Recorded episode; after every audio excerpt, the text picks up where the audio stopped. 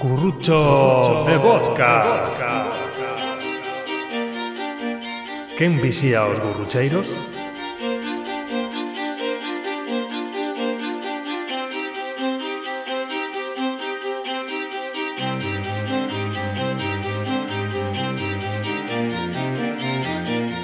Moi boa xente, damos vos a benvida a unha nova edición de Gurrucho de Podcast Ose, contamos coa presencia, que casi non contamos coa presencia Pero ao final viu do noso experto en asuntos italianos Fin, que tal?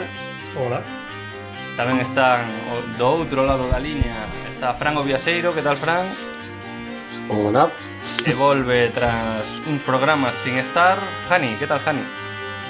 Hola, boa tarde Eu son Héctor, comezamos un novo programa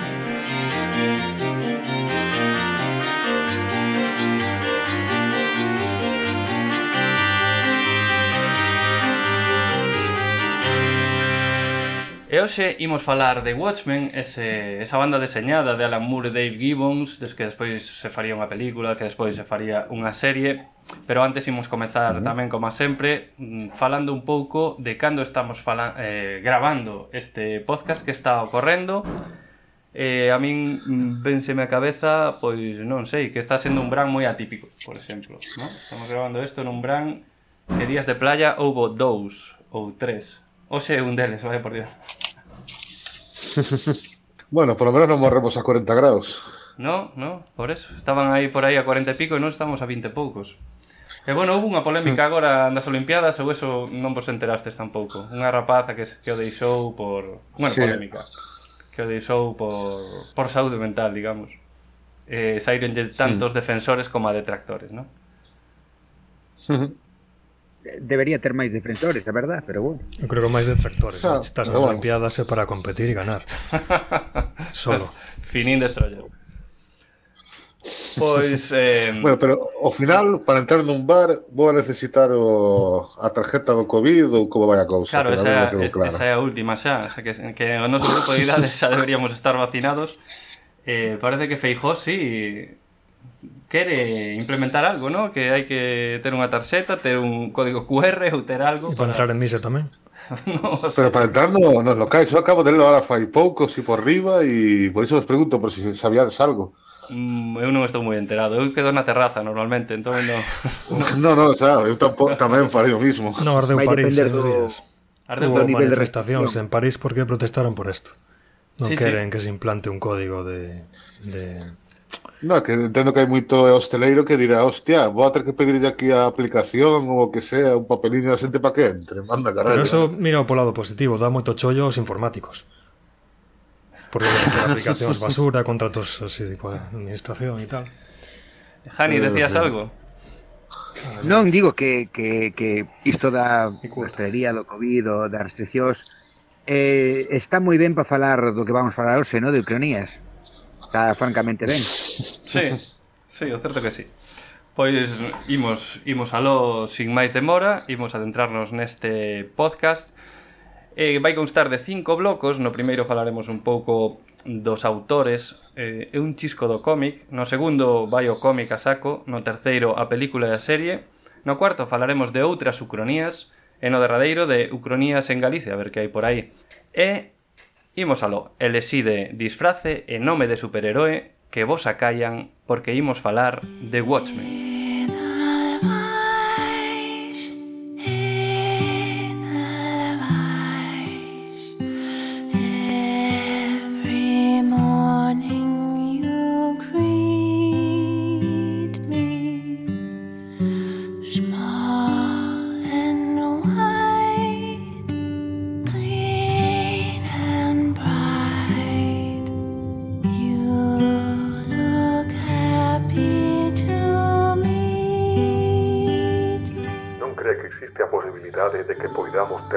medio ambiente máis aló do reparable ou de que algún día teñamos un afrontamento nuclear fatal cos soviéticos. Por suposto, por suposto. Estaría ignorando os feitos se non aceptase que eses dous factores son posibilidades moi fortes. Pero, como dicía, todo depende de nós, de si individualmente queremos o Armagedón ou un novo mundo de potencial fabuloso e ilimitado.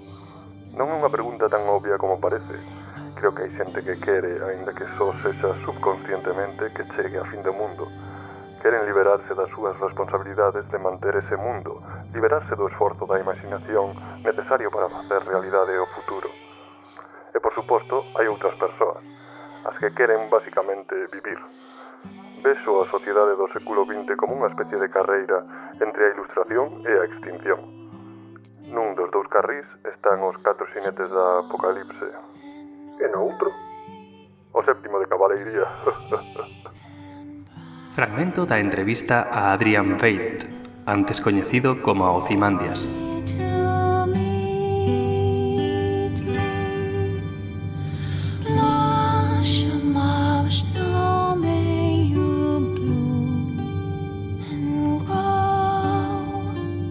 E comezamos este bloque 1, escoitamos a música de The Man in the High Castle é a canción que se chama Edelweiss que é da serie The Man in the High Castle que se non me equivoco é de Amazon Prime pareceme a min ou é de Netflix, é de Amazon Prime, verdad?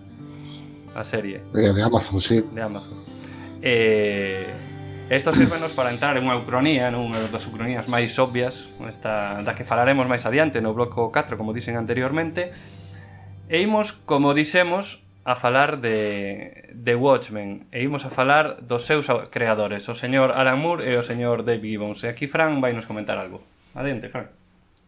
Mm, bueno, pois así un pouco por riba o Alan Moore, que personaxe. Eh, recomendo vos que besades o, o capítulo de Muchacha da Nui, no que lle fan un celebrities pois o este eh, que é coñecido pola súa estética e todo cunha barba enorme e unha melena enorme e vestir así medio medio raro Eh, é de Northampton, eh, naceu no 53. O tipo tampouco que tiña ningunha carreira en específica, eh, decir, creo que acabou o, o secundaria pouco máis. Eh, chegou a ser expulsado dunha, dunha escola na que estivo E así desde moi novo que sí que empezou a escribir eh, en revistas, en revistas musicais, a debusar e a escribir en, eh, en revistas de, de cómics, porque xa desde pequeno lle gustaba moito o, o cómic clásico, xa para logo xa ter unha, unha carreira de, de guionista de cómics, porque xa moi, moi cedo dixo de, de debusar el mesmo, non debía debusar moi ben, que digamos, eh, pero si era un moi bo guionista, eh, as... Eh, bueno, coas ideas eh, rompedoras de cara ao, de cara ao xénero.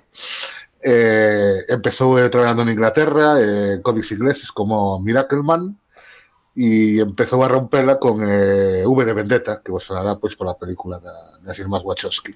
Ou polo cómic. Logo en Estados ou polo cómic tamén. eh, despois eh, xa en Estados Unidos eh, comezou a traballar coa saga da Cousa do Pantano, onde lle deu unha reviravolta moi guapa ao personaxe, era un personaxe que estaba un pouco aí eh, medio que non acababa de despegar e, e deulle un, un, un toque moi eh, moi interesante de cara que a, a cosa do pantano non é un humano, sino que é un vegetal eh, que quere ser humano, é unha cosa un pouco así moi rara. E a sonar eh, con cosillas máis eh, existencialistas. Ata que no, no ano 86 eh, guioniza eh, con David Gibbons eh, Watchmen, do que vamos a falar hoxe, e aí o, o peta, o rompe. Eh, hai un antes e un despois desta, deste cómic, que se deben chamar novela gráfica, eh, para darlle ese toquiño de, de calidade e, e bueno, que xente que considera como The Wire dos cómics. a partir de ahí eh, guionizou estas cousas interesantes como, como From Hell, por exemplo, que tamén ten a súa adaptación ao cine, que é unha merda, ao lado do, do cómic. Eh, a Liga dos Homes Extraordinarios, un cómic moi recomendable, así como a peli é unha auténtica bosta. Parece que se repite este patrón, non? Sí. Pero se tamén en Watchmen, xa veremos. E en Watchmen, a ver, tamén hai a cousa que o tipo normalmente nunca non está de acordo con ningunha das adaptacións eh, cinematográficas que se fixeron da súa obra e na gran maioría, por non decir todas, non podo aseguralo, eh, pide que se saquen os seus créditos, como de a mí non, a mí non me nombrar, eh? E, e non sei, da, e moitas máis eh, cómics, novelas gráficas interesantes, Top Ten, eh, Prometea, Supreme, Tom Strong, o, o tipo fai, fai sempre cousiñas interesantes, eh, tirando a, a complexas, o tipo gusta darlle, darlle unha volta eh, as cousas, a, e con moitísimas referencias literarias e da cultura popular que que fan a veces eh, que leas un cómic dele e que teñas que ter o internet ao lado para aquí está, aquí a que se define. Para buscarte. Decir, é decir, unha versión anotada dos seus cómics tería o, o triple de páxinas que o, que o propio que o propio cómic en xeral. Vou facer un pequeno inciso. Hoxe temos aquí un hater de Alan Moore, un hater de Watchmen, uh... de V de Vendetta e de todo isto. Por eso lle metimos un bozal. Entón Finín vai falar pouco así, non? No, que estaba escoitando a Francisco porque non quería interrumpilo, no, está bueno, pero, pero, ahora pero este é o mesmo Alan Moore que eu coñezo, non está falando do mesmo. Sí, sí. síntome un pouco identificado con él expulsaron dun colexio. A mí non, pero bueno, me gustaría que me expulsaran. Eu era un alumno modelo, pero bueno, somos, éramos iguales. E eu tamén estou de acordo con él non, as películas son todas moi malas. Bueno, veremos se Watchmen é moi mala ou non. Eso decidiremos no bloco 3 ou 4, xa non sei. O 3. Eh, vamos sí. a darlle un pelín a Dave, Dave Gibbons Ainda que aquí o artífice Cando falamos de Watchmen sempre falamos de Alan Moore no? Porque a señalidade de Watchmen mm. Está moita dela No guión O dibuxante mm. tamén ten algo que decir no? O dibuxante está aí eh... Eh, A ver, Sí, ten algo que decir e, e normalmente ten bastante que decir. Eh? Alan Moore é unha, un tipo de, de autor que, que comprométese moito co dibuxante para que el tamén poña dixo a súa pegada en canto a arte, porque despois de todo tampouco é un experto dibuxando, decíamos o, o noso amigo Alan Moore, e sí que o que soga moito a falar co, co dibuxante, a preparar moitos traballos previos, tal, para que non sexa simplemente un, eh, un debusante que, que traduza as ideas de Alan Moore, sino que tamén poñan eh, parte das súas ideas. E, e neste caso en concreto o, o David Gibbons eh, así o fai.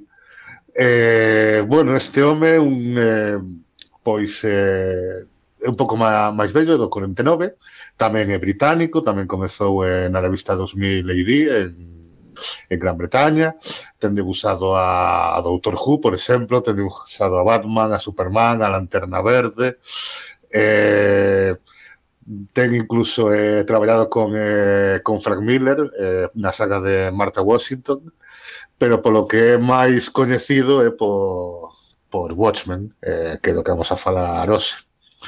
E este home sí que no seu momento, cando se fixo a película, así como Alan Moore non quiso saber nada, pois o Le dijimos, dicen, sí, sí, sí, sí, a mí sí que me interesa. y, y, tampouco moito máis, realmente, así, así como ten unha carreira moi moi extensa con moitos fitos eh, Alan Moore, incluso se, se me estaba esquecendo Batman a broma asasina e eh, tamén de, de Alan Moore ou Los Girls. Eh, este David Gibbons é un bo usante, pero un máis ben tengo perfil de currante, de traballar eh, pois para DC, para Marvel, eh, para, bueno, iso, os típicos eh, superhéroes. Uh -huh. Bueno, a ver, facían, esto sábese, eh, ¿no? facían reunións el eh, Gibbons eh, Moore sí. para, para falar de, do cómic e tal e unha das ideas que se lle ocorreu a Gibbons, por exemplo sempre falando co outro que lle tiraba un pouco da lingua foi o tema da, da historia da que falaremos máis adiante desa historia de piratas que hai incrustada no sí. medio do cómic, non? Eso Por exemplo. foi un pouco idea de, de, de Dave Gibbons para ver o que aporta aparte de, de todo o que o, o arte eh, e as, esa composición das páxinas hasta que tamén falaremos sí. que é moi interesante ah, me, sí, efectivamente. que encade moitísimo o, o cómic, non? Sí, no, o Alan Moore ten unha serie de, de ideas e conceptos eh, na, na versión de Absolute Watchmen do cómic hai unha, bueno, a maiores do cómic por regalo hai unhas páxinas onde un pouco eh, son páxinas de traballo de, de Alan Moore eh, pero aporta unha idea de concepto que ten que logo para plasmala no que decías ti Héctor na, na arte si que onde pon as ideas o, o amigo de Gibbons mm. Por exemplo, falemos do debuxo o debuxo é moi eva, eh, evoca aos superhéroes, pero ten un toque especial, ten un toque distinto, non sei se vos dades conta. E aparte, o colo, a cor, que é doutro, doutro uh -huh. a cor é dun tal Higgins, que non, a verdade, uh -huh. pasamos un pouco del do colorista sempre, pero tamén é importante. Eh, evoca esas cores eh, pulp, esas cores planas, eh, sí. No, non, non, en cor non é... Pero é así a propósito, evidentemente. Eu creo que lle quere dar un aire casi casposo, eh, casi decadente a, a este cómic que acerta eh, hmm. na narrativa do cómic, non? E despois a disposición... E que aparte da... a... Didi. No, decía que eh, as cores non son eh, cores con volumen, son todas eh, cores planas, xogando aparte co, con esta típica impresión de cómic onde teñen unha gama de o mellor li, moi limitadísima de sete, oito cores e desas cores no, non saias nin as mestures eh, que o que distí evoca o, o cómic clásico, porque se unha cousiña que tamén hai que ter en conta e é que na idea inicial de Watchmen iba a ser cuns eh, superheróis que xa existían anteriormente. Sí. Non sei se queres que comentemos agora. Sí, sí, comenta, comenta. Pois eh, DC eh, compra os dereitos dun superheróis doutra, dun editorial que é o Tacho, que a, a editorial é Charlton, Entón ofrecenlle a iso a Namur, eh, pois mira, hai como unha serie de, de superhéroes novos que acabamos de comprar, eh, queremos que fagas algunha idea que se te ocurra para, para comezar pois unha nova etapa con eles. E é cando se lle ocurre a esta gran ida de olla a, a Namur que o eh, pensar en que sería do, do, do mundo, planeta Terra, se os superheróis existisen de verdade, eh e xogar a darlle ese toque máis de volumen, máis de, máis de realidade, máis de verosimilitude, mm. por así dicilo. Eh, nesas ideas iniciais implica eh, que o, estes superheróes eh, teñen aristas, son grises, non son vos de todo, e incluso chega o caso de que algúns deles morren neste ar, nestes arcos eh, de argumentais que propón. Eso, era o que quería Con... el, el quería, mm. a idea inicial de todo, ser molo de todo, o primeiro, primeiro, era que pasaría, ¿no? Se atopan a un superhéroe morto, sí. ¿no? E a partir de aí surde todo Eso é. Que é o comezo do cómic, ademais. Sí. O superheroe asesinado coa policía ali investigando que sí. o que que o que pasou. Eh, que pasa? Desde dixo, hostia, no, o sea, acabamos de comprar a esos personaxes para que ti mates a metade. Mátese de, e, os deixes, e os deixes fatal. Eh, Dios, Dios, que quedan vivos. Sinto Alan, pero no. Sin embargo, eh, o editor eh, dice, sin embargo, a idea que te é moi interesante, eh, eh, por que non lle das unha volta e o mellor soga con invéntate ti os caracteres novos e é onde o, sobre un traballo cuns caracteres preexistentes pois dai, fallo uns cambios para facer eh, uns caracteres novos que son os estes superhéroes de sí. que aparecen en Watchmen. Sí, pero basease moito nestes de Ch Charlton, era, verdad? A, sí, Charlton, a editorial. Moi, eh, ten o seu, cada un ten o seu paralelo, ¿no? O Rorschach parece a un que se chama sí. Mr. Question ou algo así, o outro sí, parece, The que se chama Blue Beetle Cada un ten o sí. parte de un e, e vese moi claramente. Excepto a rapaza, que non sei se a rapaza ten algún algún eh, igual, eh, oh, a rapaza pode ser que sea nova, fazme dubidar. Non, non o sei, pero bueno. Incluso o Dr. Manhattan ten un que se chama Capitán Átomo. Sí, así, ¿no? Espectro de Seda está basado en Nightshade, polo visto. Nightshade. Pues sí, cada un... Claro, colleu eses, eses personaxes que non lle deixaron tocar eh, fixo como a súa versión, no? a súa versión decadente da, desta, desta xente. Sí.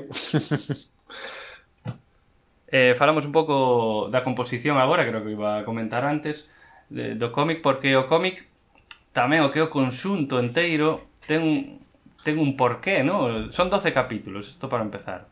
Como as 12 mm. badaladas ou as 12 horas do día, no? Isto ten algo que ver. E despois pensei, o, o de Watchmen Watch tamén é reloxo en, en inglés, Watch ¿no? tamén é. Eh, Entón, en todas, sí, en todas... Ah, perdón, sigue, sigue, sigue, perdón. No, eso iba a decir, eu creo que o que ibas a decir ti, que en toda, o- todos os capítulos, estes 12 capítulos, comezan cun reloxo, ou acaban cun reloxo que se está Sí. acercando ás 12. Non sei se ibas a decir eso ti. Mm. Iba a decir iso, iba a decir que ese reloxo realmente un reloxo teórico eh, que utilizaron que, que, creo que nos anos 70 eh, eh, se orixinou esa idea como un eroso teórico que pon en plan de canto cerca está o planeta da fin do mundo, do fin do mundo sí, sí. e no, no, concepto, no concepto de Guerra Fría pois eh, houve momentos durante os anos 70 e 80 no que estivo moi perto da, da media noite que sería a fin do mundo neses... Sí, no, estamos agora. Agora estamos máis cerca que nos anos 80. O que pasa que agora non é por temas eh, nucleares. Sí, é por temas nucleares. Sí? Sí. Eu link era por, por temas ecolóxicos e... e por nucleares tamén. Eu penso que sí, que por cambio climático, todo isto. É eh, a suma de todo. Todos no, eh, é, ese reloxo do fin do mundo existe. Sí. Eh, existía antes do cómic e existe agora. Eh, e, e logo cómic. tamén hai por aí un, de, un detalle que xa nos metemos un pouco máis en detallito na trama e é a, a profesión do pai do doutor Manhattan que é de Reloxeiro. Mm eh, que no seu momento lee a, a teoría da relatividade do tempo de Albert Einstein e entón o tipo decide Uf, eu despois de ler isto non podo seguir sendo reloseiro e deixa a carreira de reloseiro claro, porque, porque o tempo relativo o tempo relativo xa lle podemos do, do chollo e obliga ao fillo ao doutor Manhattan o, o futuro doutor sí. Manhattan a dedicarse a a enseñar a, a, fi, sí, a física a física nuclear, a física nuclear. Faltaba... sí. eh, difícil Lle faltaban un par de asignaturas e nin en sétima convocatoria sacou. Pois entón, que máis? no directamente. Por exemplo, as páxinas eh, lembran moitas delas, creo que casi a metade das páxinas teñen a mesma disposición, unha disposición moi regular de nove viñetas por páxina, que sí, tamén sí. evoca como un reloxo, non? É unha cousa así E é moi rara, non é a típica de, de cómics. Normalmente son no. eh, catro filas. Isto de tres filas de viñetas é moi, moi raro. Sí, ademais son... E na maioría das páxinas son 3x3, ademais. Sí, sí, son 3x3 e a viñeta de Watchmen é máis alta que ancha. Cousa que tampouco é tan sí, habitual. Tam, non, é, non é moi común, efectivamente. Despois xoga, no? Con composición, xoga con... Bueno, pois unha fileira a veces é enteira, ou, sabes, vai, vai, vai cambiando. Xoga moito coa sí. simetría, non sei se vos dades conta coa simetría... Eh, tanto como tanto como que hai unha, un capítulo que se chama eh, como é eh, maldita simetría non, eh, tengo un nome así medio aterradora simetría, creo aterradora que. Simetría. que é no simétrico? que a estructura, a, a estrutura das billetas é simétrico, a primeira páxina coa última, a segunda coa penúltima. Sí. Vamos, que se si sí. queredes buscarlle chicha este cómic para xente que sea moi de buscarlle chicha e tal, este ovo socómico. Sí, sí. E despois hai unha parte moi, moi importante ao final, xa que estamos falando da composición, que xa é o último que falaremos, supoño, que é a, a, a primeira vez que se ven eh, páxina completa, ¿no? tipo póster, ¿no? a típica páxina completa, é o final e se ven varias seguidas, ¿no? con algo realmente impactante, E sí. que, que, que, que está a par da narrativa, esta simetría da que falábamos, moitas veces está a par do que fai Alan Moore eh, co guión de escenas paralelas que está este cómic está cheo de escenas paralelas, eh, dobles paralelas, triples paralelas e eh, non sei. Sí, sí, sí. Moi moi complexo. É eh, que é interesante como a veces en algunhas viñetas o, o típico cadriño de texto correspondese a trama paralela que non se está vendo.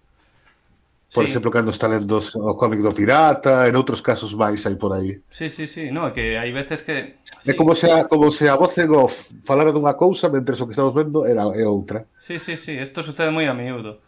Outra ou outras hmm. dúas, sabes? Eh, é bastante complicado. Hai que lelo bastante atento, eh? Non podes lelo así... No, a ver, Lectura tampouco rápida, digamos que é complicado de ler, eh?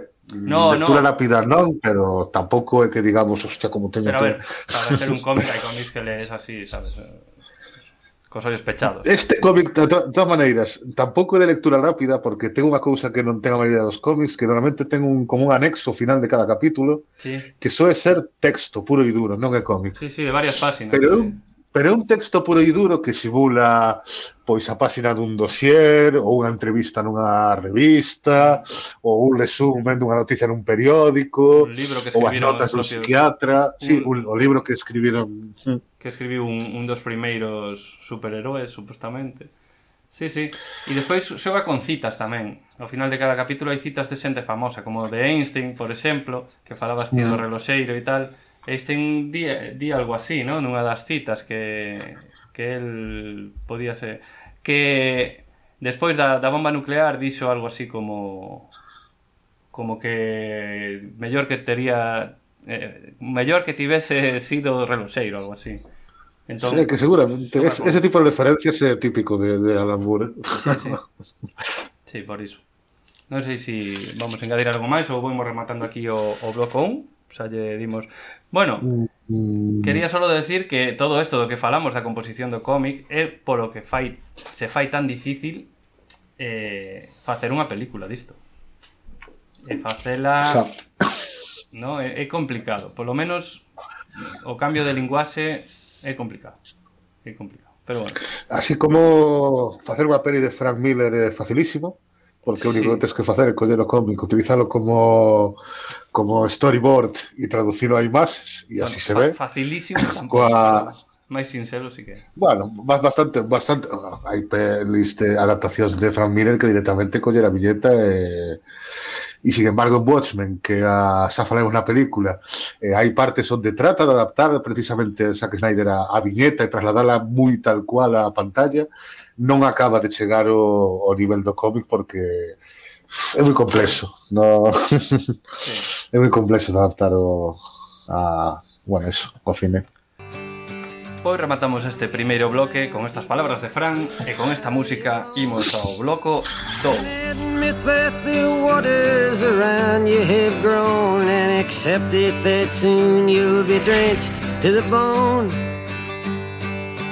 If your time to you is worth saving Then you better start swimming or you'll sink like a stone. Or the times they are a changing.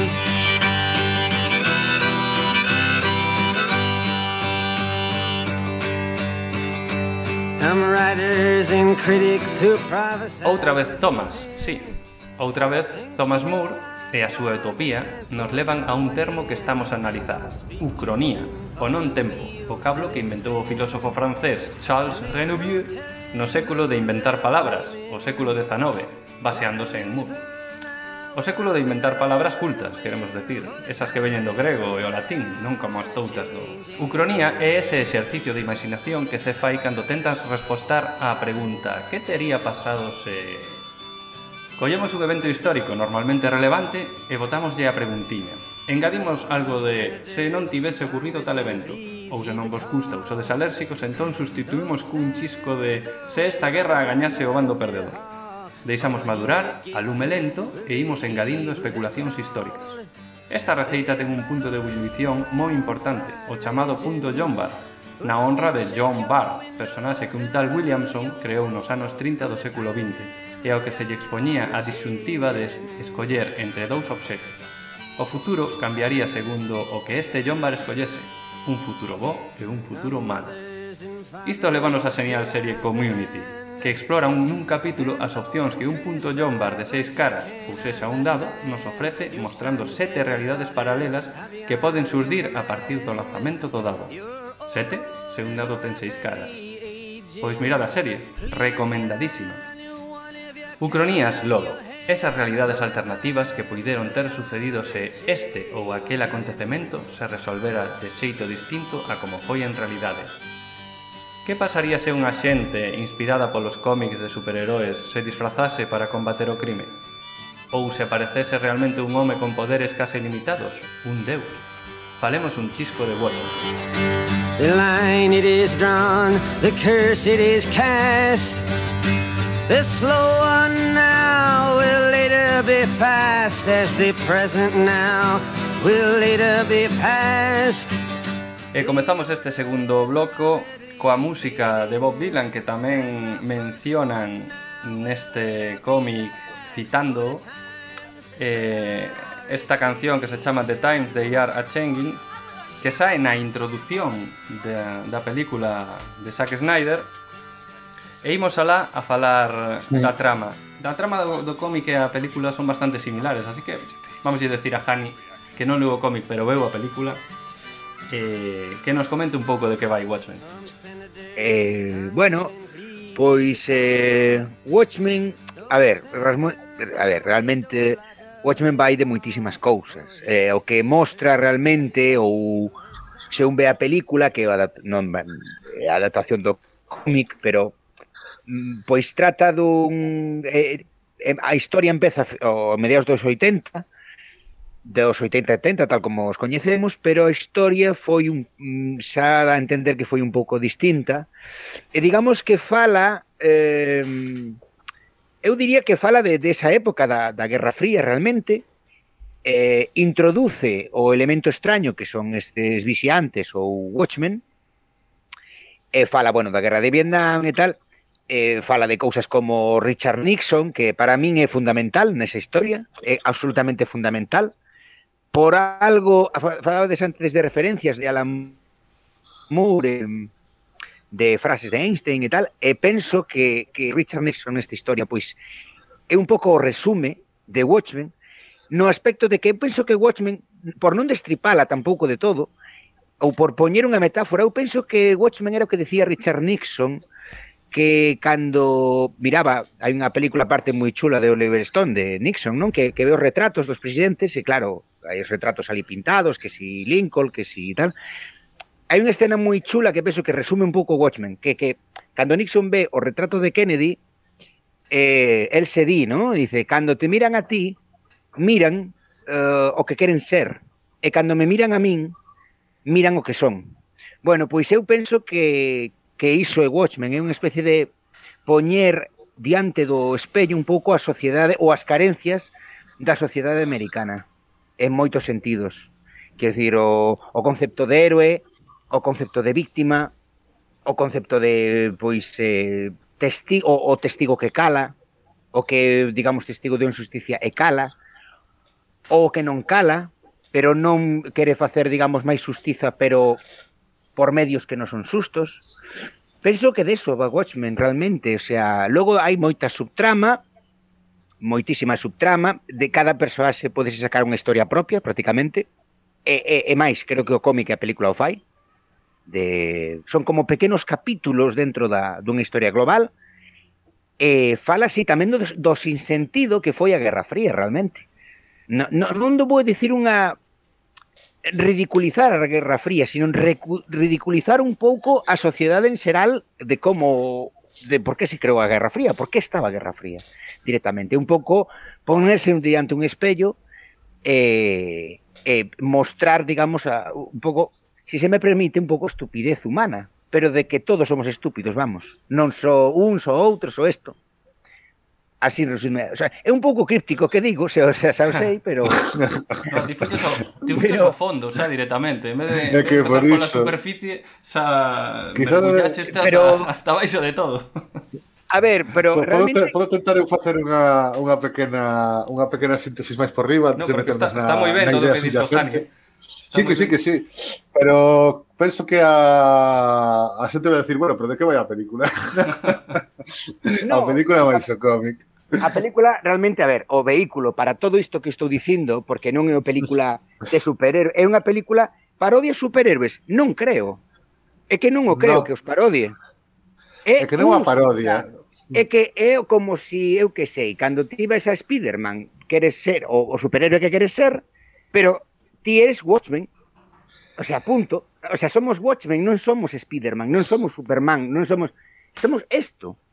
É, é, é frustrante tamén, un pouco frustración, é, ten moito de de persoaxes frustrados de, de, de como é a vida en xeral, acérquese máis moito máis ao que é a vida. Incluso sí. habrá falades de Doutor Manhattan, e que Doutor Manhattan o que ten é unha crisis tamén de madurez, de seu sitio no mundo, de o, o referencia ao seu pasado, non ve futuro, non ve un futuro diante, aínda que un tipo que en teoría pode ver o pasado e o futuro ao mesmo tempo, o sea, eh, hai moitos tipos de personaxes e un pode as, as emocións de cada un eh, pode irse reflexando en cada un dos personaxes da frustración que se intenda dos especiais ou non que se un se sente, ten que ver coa madurez, co paso a madurez, da xuventude a madurez tamén. O sea, é que ten moito que dicir Watchmen non é unha película, é unha película de superhéroes. Eu penso que é unha película de humanos. De humanos, incluído o Dr. Manhattan. Pois incluído pois, Dr. Manhattan. Eu penso que é unha película de superhéroes. Ahora vou. Eh, A ver, o, o que falamos antes da, da Ucronía Do punto John Bar que comentabas antes, Héctor. O primeiro punto John Bar desta historia É que pasaría se houvese superheróis de verdade. ¿Mm?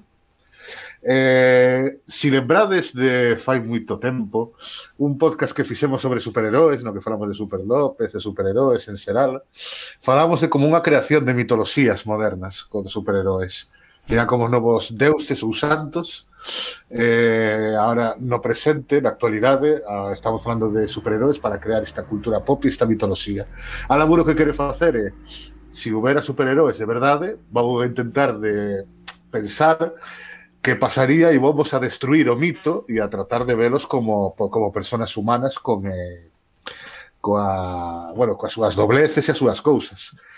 Co cal, eh, a primeira cousa importante da historia é que todos eses superheróis menos un non teñen poderes. Claro. Son superheróis porque poñen un traxe e loitan contra o crimen. Son tipos unha puntualización. Pero, pero non teñen poderes. Mira, unha cousa, eu incluso sí. incluso ves un paralelismo entre Don Quijote e Watchmen. E, e, e ten un pouco de Don Quijote en, en como dicindo, é que distino, hai poderes, non hai isto, non hai isto, e ponse aquí, pois, me meto unha máscara, empezo aquí a facer cousas, mm. eh, a veces parece que os personaxes de, de Watchmen que leían cómics que lían cómics, eles. Algún sí, personaxe podes decir, é eh, que este ia, pois a Batman e quiso ser como Batman. Eh, que, creo que eso que din... Que... É que eso, eso din... din directamente o, o que está escribindo o libro que se chama Baixo a capucha sí. ou algo así di que eles le, lían a Superman e a Batman e tal e o que querían eran emular un pouco sí, que porque él traballaba de policía pero cando sí. leo caer nas súas mans o primeiro cómic de Superman dixo isto sí que o que o que hai que facer. Claro, é que un pouco eh, tamén eh... un rollo semifascista, ¿no? De eu como policía a lei tenme un pouco as mans atadas, se si me disfrazo hmm. e, eh, e podo facer o que me dé a gana, ¿no? tamén ese, ese rollo tamén eh, Tambur eh, moitos, suliña moito moitos dos personaxes son medio fascistas por non decir losas Me, medio un e medio que un e medio sí, sí. e entón digamos que logo hai un segundo punto John Bart que é que aparece un superheroe que este realmente ten superpoderes. É que é un deus. E que é un deus, prácticamente. Hai unha frase no cómic que din eh, Deus existe e é americano. Mm, Debido a un experimento que sae mal, este Dr. Manhattan eh, ve o pasado, o presente e o futuro ao mesmo tempo, é capaz de alterar a realidade como lle dé a gana, é Deus. Pode facer o que desaia dos collóns. Sí. no, pero pero hai unha cousa eh, do Doutor Manhattan, que é interesantísima, que pasa, habría que destripar algo a peli, pero...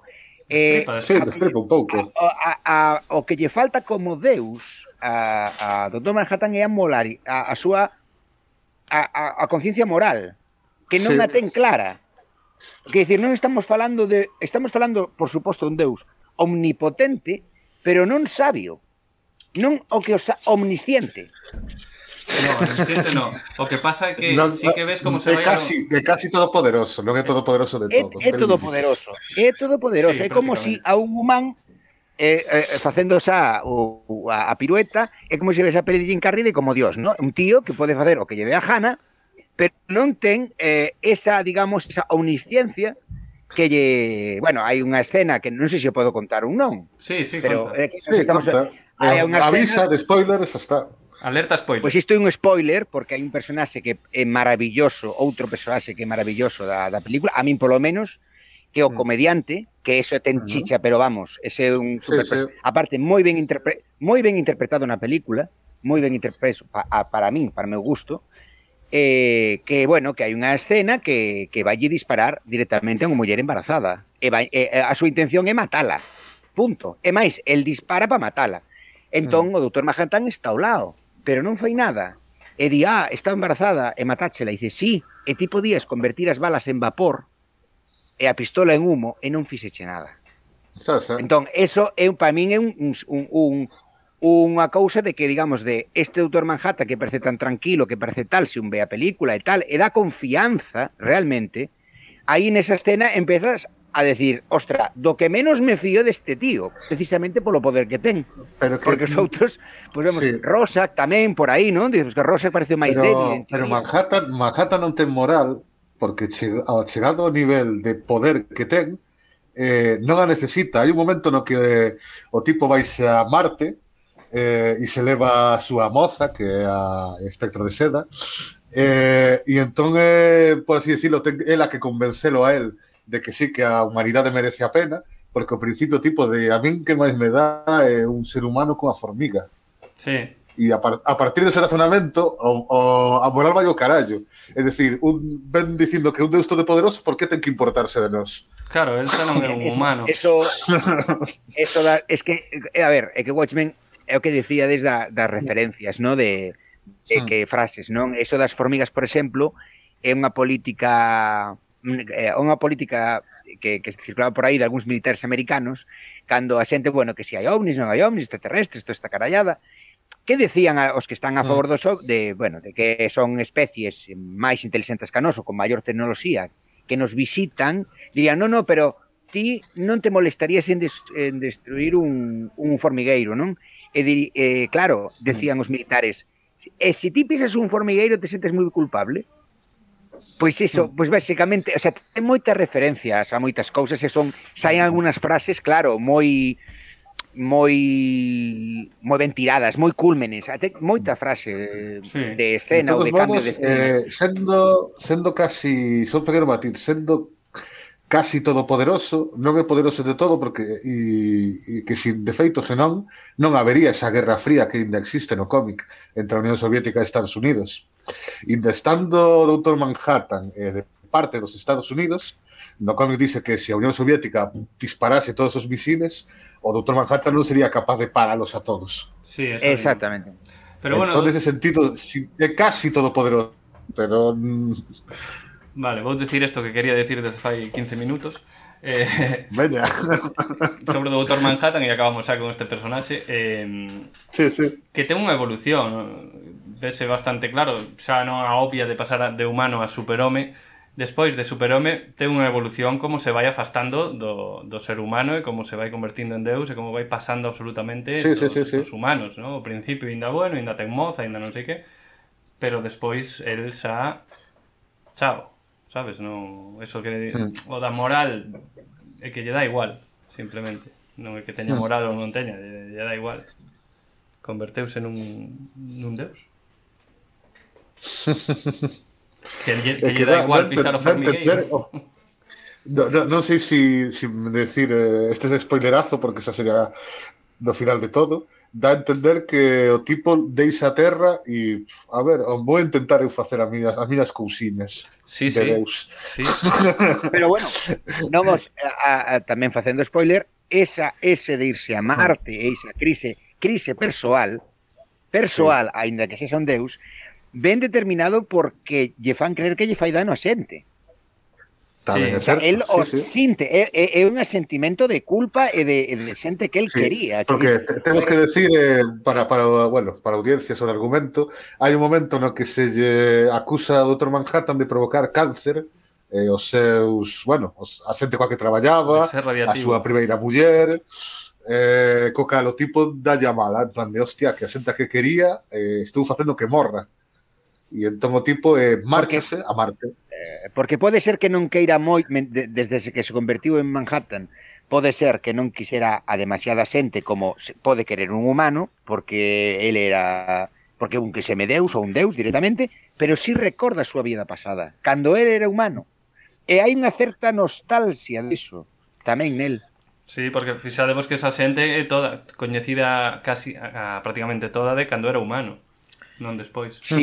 Finin vai decir algo, atención, quieto. Sí, hai que, hay que recordar que se señor Manhattan, Manhattan é azul, pitufo, e está calvo, está medio calvo, e creo que tamén está entrando na crise dos 40. Ese é o elemento vale, finín. Menos mal que vi finín. É que na película me parece o personaxe máis eh, máis tonto así de todos. ¿no? Máis... Ah, a bicho esa peli tamén? Vin trozos. Eh, E medio spoiler, eh, se o final do Dr. Manhattan eh, acepta a solución de Osimandias, non é porque moralmente lle pareza ben, sino porque, di el, por así decirlo, científicamente ou lógicamente ou matemáticamente como lle queráis chamar, é o que ten que ser. Sí, no, a, a solución do Ocimandias, como di outro, eh, aceptana tamén o búho nocturno e a espectro de seda, eh? Xa, porque xa chegados a, a un momento eh, non lle A ver, máis, acepta, ¿no? acepta máis tapando nariz porque din, bueno, ahora a estas alturas que xa está feito, claro. desfacelo sería peor. Hmm. É como a cidade da cultura, ahora que non la de ahora non vamos a tirar abaixo. Efectivamente, costa máis... Bueno, non sei, non sei se si costa máis cartos mantela ou... Hai que tirar abaixo. Tere, tere en conta que o doutor, que o doutor Manhattan é un científico, é un físico nuclear. Sí, Quer decir, el a formación que ten é científica e con 2 máis 2, 4 perfectamente razoa que ese plan é o mellor, digamos, o plan de, de Ofimandias. O sea, el o razoa, non estamos falando que lle pasa isto a, pois sei que sei, como igual que Bruce Banner, no? e a Hulk, el lle pasa a un científico, non lle pasa a ninguén da calle ou algo que descubre de repente, ai, que curioso, non, el explica o que pode facer físicamente. Ele explica, o sea, hai teorías sí. incluso como físico que se encontra cando ten esos poderes, que as corrobora, digamos. Ese... O sea, non lle nada alleo. E se si Manhattan, en lugar de ser físico nuclear, fose un filósofo? Un tipo tipo Wittgenstein ou Adorno, un destes, que pasaría? Pois pues mira, aí tes pois pues un cómic Seguramente para... tería máis matices morais e éticos eh? Aí tes un cómic pues para facer ti Unha ucronía Non ten por que ser moral eh, E que me decides de Rorschach? Que é ese personaxe que que, bueno, desperta tantas paixóns como odios, non? Meu preferido, eh? É un tipo... Ay, Dorsa pásalle, pásalle o que Torrente, me parece a min. Sí, un que pouco, un cando, pouco eso. cando, cando Torrente o creou Santiago Segura, en teoría era para facer unha parodia e rirse do, do fascista de turno. Que pasa? Que agora hai xente que mira a Torrente e di, jaja, Torrente como bolas, tío de puta madre prácticamente se identifica, bueno, quiere ser como Torrente. No, que quiere ser como Torrente. no, Entre comillas, ¿no? En plan de, pues di, o que di Torrente o que querería dicir eu. Creo que na primeira sí que consigue, estamos falando de Torrente ahora, vaya por Deus, na primeira eh, sí que consigue sí. esto de que distí de, de meterse con, con fascista, con, con, o sea, con este rancio franquista e tal, mm. pero despois xa non, eh? Creo que despois... Sí, no, convertes en un má personaxe. De... Sí, sí, sí, sí. Pero bueno. Volvemos a volvemos a, a Watchmen e a Rorschach que, que é un tipo deleznable. A ver, é un tipo deleznable, pero pero como é un tipo que que sí que ten unha moral moi clara, sí que hai moita xente que di, este é o mellor. O que a xente non se dá conta que ten unha moral porque é un fundamentalista. Sí, sí, un, un fascista. Un fascista fundamentalista. Bueno, pode, un fascista ou podería ser un fundamentalista islámico ou cristiano. cristiano sí. sí, sí. É dicir, ten unha moral clarísima. É un intransixente, non é nada flexible. Tería Twitter hoxe, non? Que, eh, seguramente, sí, seguramente. E ademais, en Twitter, como ninguén cambia de opinión, pois estaría moi a gusto en Twitter. que de todos xeitos, ao longo do COVID, vais descubrindo a, de por que o fulano é así, porque ten un problema. Sí, sí. sí tivo claro. infancia de merda, tivo unha vida de merda e non é que teña unha moral de la hostia, non é que está mal da cabeza, prácticamente podíamos dicir. Sí, sí, quedou un pouco tocado. Sí. Eso fai non moi ben con todos os personaxes, ¿no? Todos teñen así un trasfondo, xa dixo Hani antes, o, o propio búho nocturno, a, a rapaza mm, a espectro de seda, o moucho nocturno, certo? Moucho ou outra cousa? Outra cousa tamén. Bueno, todos teñen algo, todos veñen de algún lado, todos teñen un pasado, e, eh, eh, bueno, están moi ben construídos os personaxes que é un dos fortes desta desta desta obra que ao final as grandes obras adoitan ser as que teñen grandes personaxes, ¿no? E aquí, e, aquí que sucede. No, que? que non me acordo agora de chavalas, no protas. Si, sí, hai unha que é Espectro de Seda, Espectro. Hai dúas, realmente. Es... Sí, e a Night. Bueno, hai hai, hai tres, ademais. Para Hai unha que dos primeiros Minutemen que era lesbiana e que a asasinan. Pero esa Pero casi aparece, non sabe. aparece pouquiño, esa apenas sae.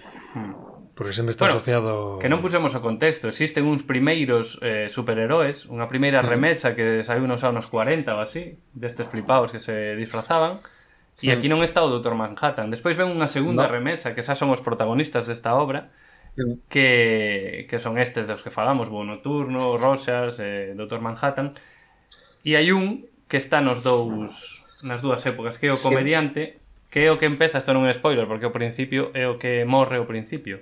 Mm. Que se vai vendo como era un superherói, pero se vai vendo que estaba bastante mal eh, da cabeza tamén.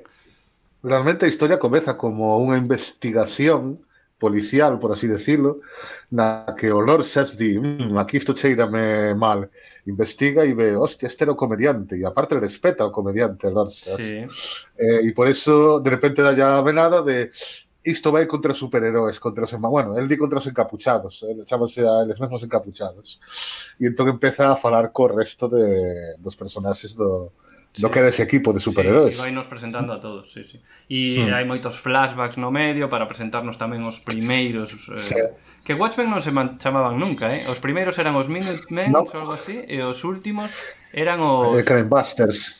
Crime, Crime Busters, sí. Watchmen era sí. como un rollo eh, que había pintadas, ¿no? De quen vixía aos, Que, eh, sí, que é unha frase de unha frase, unha frase de Juvenal. Sí.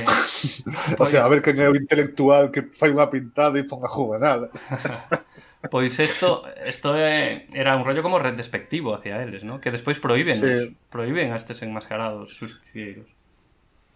Entón, ahora sí, porque chega un momento no que hai como unha crise e a xente no di iso, quen está, quen supervisa estes, ou quen visia estes viciantes, refires a quen supervisa esta xente, fallo que claro, dos collóns, están por riba da lei, por así decirlo. Decía, sí. E entón fan, fan un acta na que proíben os, eh, os superheróis capuchados agas eh, os que declaren a súa personalidade e traballen para o goberno, hmm. que son o Dr. Manhattan e o comediante. Bueno, comediante non sei se declara a súa personalidade. Eh. Bueno, públicamente eh, polo menos non. Públicamente non, pero traballa para o goberno. Que, o goberno sabe quen é. Como escarbaba antes Hani, o comediante é un dos unha metáfora bastante clara dos yanquis e do exército yanqui, non? Dos, E do, no, que ademais o... Sí, o superheroe no que se basea, eh, de Charlton, chamase Peacemaker, Sí, facer a paz a través de, de cañonazos, sí, ¿no? e a través de... e na de comediante é porque que o tipo de ao final é máis ben un cínico, un cínico, é un cínico realmente. Pero, sin embargo, eu deixo un pouco caer a, a novela eh, que é o máis lúcido de todos. Eh, eu, eu que realmente dase conta do que está pasando e non anda con moras raras nin con, hmm. sabes? Sí. E decía algo finín, que decías? Sabes que esqueceche. Mm, no, no, iba a meter a Charles Bronson como vigilante, vigilante. sí, que pintaría, ese, o... ¿qué pintaría aí nese ah. universo paralelo Charles Bronson. Charles Bronson sería o comediante. Sí. O que pasa que Uf, non sei se sería o comediante, porque non ten sentido do humor Charles Bronson, Calvin Rigg. Pero non sei. O sea, comediante é unha especie de Joker tamén, eh? xoga un pouco tamén co Joker. Sí, bo en teoría, pero... Era unha pregunta un pouco así máis xenérica. A que, que tipo de público iría dirixido ese cómic no seu orixe, no seu orixe? E agora a que tipo de público no presente actual podería ler este cómic? Adolescentes así que van a ver as películas de superheróis ao cine? Uf. Se entraría ben? Ou... Eh, a película fixeron para tratar de coller a todos. Iso sí que é certo. Sí. Pero bueno, creo pero, que para todos, toda a xente, se non che gusta, bueno, pero hai que darlle unha oportunidade, fijo. Pero o cómic, eh, eu penso que se fixo tamén cunha intención de romper a típica idea de que os cómics de superheróis son para nenos e que se pode facer cousas serias e importantes mm. e literarias no, cun cómic de superheróis. Non o dixemos, pero foi a primeira novela gráfica que, lle, que gañou o premio Hugo Este premio sí. que gañaron tantos que gañou Martin, que gañou Philip K. Dick, que gañou de Dune, pois este premio Hugo gañou no eh, Watchmen tamén. Vale, non nos despistamos un pouco da peli de todas maneiras agora o tratar de volver a falar do No, non estamos falando da peli, eh. Estamos falando un pouco de Watchmen en xeral. Despois nos seguinte no, o sea... xa compararemos peli e, e Vale, vale. E, e cómic que aí hai chicha. Aí hai chicha. Entón que falta falar de Osimandias? Sí, eu falar do espectro sí. de seda, falar de, de emotes, quería... por certo. Eu quería dicir sí, sí, unha cousa sí. de Rorschach sí, sí. que aínda que está claro que é un fascista, é un, é un pouco a dos dos eh, superhéroes entre comillas que saen eh, eu penso que é moi Superman nese aspecto de a, a de orden nas calles, non? É un pouco o detective privado, é un pouco unha versión ou ten partes de Batman tamén, porque sí que as ten. Eh, tal, eh, pero é un tipo que se autocastiga el mesmo. É un tipo que cree eh, que el cree que tampouco el merece nada, porque ten detalliños de mm, eh, pois pues, cousas como cando chega, bueno, hai unha escena que que entra ali na, na casa de, do, búho, do que era o búho nocturno, que xa non é búho nocturno, que o tipo vive normal, que é dos máis normais, me parecen a mí, máis equilibrados dentro de Watchmen. Os, os máis humanos, el, el é, a, é a rapaza. Sí. Sí, os máis humanos realmente que que tamén é a parella, non? É esa parella de chavales de, de parecen... eu, eu, mati, eu matizaría, pero matizo despois, continúa eh, e chega non está eh, comendo pois eso, unhas eh, unhas favas e lle di outro, ah, se queres, no, no, así están ben, come as frías, e non acepta nada, el ten, se o ten que pasar mal, o ten que pasar mal, o sea, facía este Fran unha infancia de mierda, eh, el castiga, se el se castiga, el está convencido que o mundo é unha merda, eh, que, que dentro da merda hai mierda e supermierda. El está ali para dar por saco a supermierda. Mm. É así. Aí, o sea, que é, era un tipo é complicado que vive, porque é complicado, aparte que está como unha regadera porque pero está como unha regadera en parte porque ten esas conviccións tan tan tan fortes porque ningún deles ten a convicción que, que poden ser equivocadas, está claro, vamos a ver, non estou dicindo que pero sí que é verdad que é moi noble, en, en noble entre comillas, co que pensa o que o que vai tal, é outra cousa, é un pouco fundamentalista. É un fundamentalista. un fundamental. No, aí, aí eu discrepo. A ver, te estamos poniendo típica etiqueta de fascista porque o tipo ten un discurso que parece bastante O- a ver, coherente. unha cousa. Ao longo da peli e máis no O que, cómic. o que quería decir Pero é o que tipo é un fundamentalista, ademais un enfermo mental. eh, a ver, un psicópata. Rosak eh, é un tipo Oye, que non te metas co presidente de España. o sea, eh, Rosak é un tipo é un é un superheroe, se por así decirlo, urbán. O sea, non é un tipo sí. que está a niveles tipo Doutor Manhattan ou Cimandias, quer dicir, porque dentro deste tipo de superheróis tamén están niveles de acción. O sea, non é o mesmo, por exemplo, Spider-Man, por exemplo, cos Vengadores. Non é o mesmo, non se moven por os mesmos círculos, nin tratan a mesma xente, nin se ocupan do mesmo. Este é eso, un, un digamos, un, entre comillas, un superheroe, eso, fascistoide, de calle, de, de, de, de, de barrio de de, de, de meretrices, de, de, camellos, de isto, de xente que rapta tal. Eh, eh, eh, que decir, está logo, pois vai tirando do hilo, vai tirando do hilo, e empeza a, a meterse, digamos, en asuntos moito máis vamos a decir entre comillas elevados, o sea, nunha trama moito máis jorobada, é moito máis global, é moito máis dicir, no, para Rosa cos misiles, isto outro, dalle igual. O da Guerra Fría dalle igual. O rollo é que empeza a tirar do hilo simplemente. E, e ves que, que Rosa podía ser un Watchmen como ser un, un puto criminal asqueroso. Mm. Decir, porque ten eso, a, a infancia que eleva él, ou como pasa él, o empusa a decir, É pues que a isto policía, cons- tal a fora. policía considera un criminal. Hmm. É un Sí, criminal. eh, eh, está na cárcel, o sea, Eu, eu, no sigo, cárcel. eu, eu sigo dicindo eh, é un ser deleznable no, e insalvable para min Pero ¿qué pasa? Que la película, eh, la película de la novela, eh, perdón, no, no cómic, eh, hay, otro, hay un personajes por arriba como comediante ou como directamente Ozymandias, no que dis, claro, estes son peores. Hmm. Bueno, hai unha cousa de Rosas bastante guai que é que ele é un conspiranoico. E, e é o detective e sigue pistas, está convencido da súa teoría, pero está equivocado. Sí, por supuesto. Y todo que acerta pistas... un poco de casualidades. Sí, adaptas él, pistas a lo que él piensa. Él adaptas pistas. Claro, adaptas pistas a lo que él quiere creer. El día hay un asesino de encapuchados. No hay un asesino de encapuchados. No claro. Ya está, y él mola yo rollo y está convencido. Y todas esas pistas que aparecen, os otros, van en mejor dirección y indica esto podría ser tal. Y él, no, no, esto... Y es un tema que está bastante chulo dentro de la obra. E vamos a falar de Ocimandias para acabar este bloco así rapidamente. Ocimandias eh, é o home máis intelixente do mundo, membro dos... dos eh, hmm? como se chamaba? Crime Busters. Eh, sí. E é un personaxe moi importante eh, desta... que vai saindo así a pinceladas e tal, pero no final é moi importante, non? E non, non, é moi si, importante non porque... vamos a decir moito máis, bueno, non? Di, di.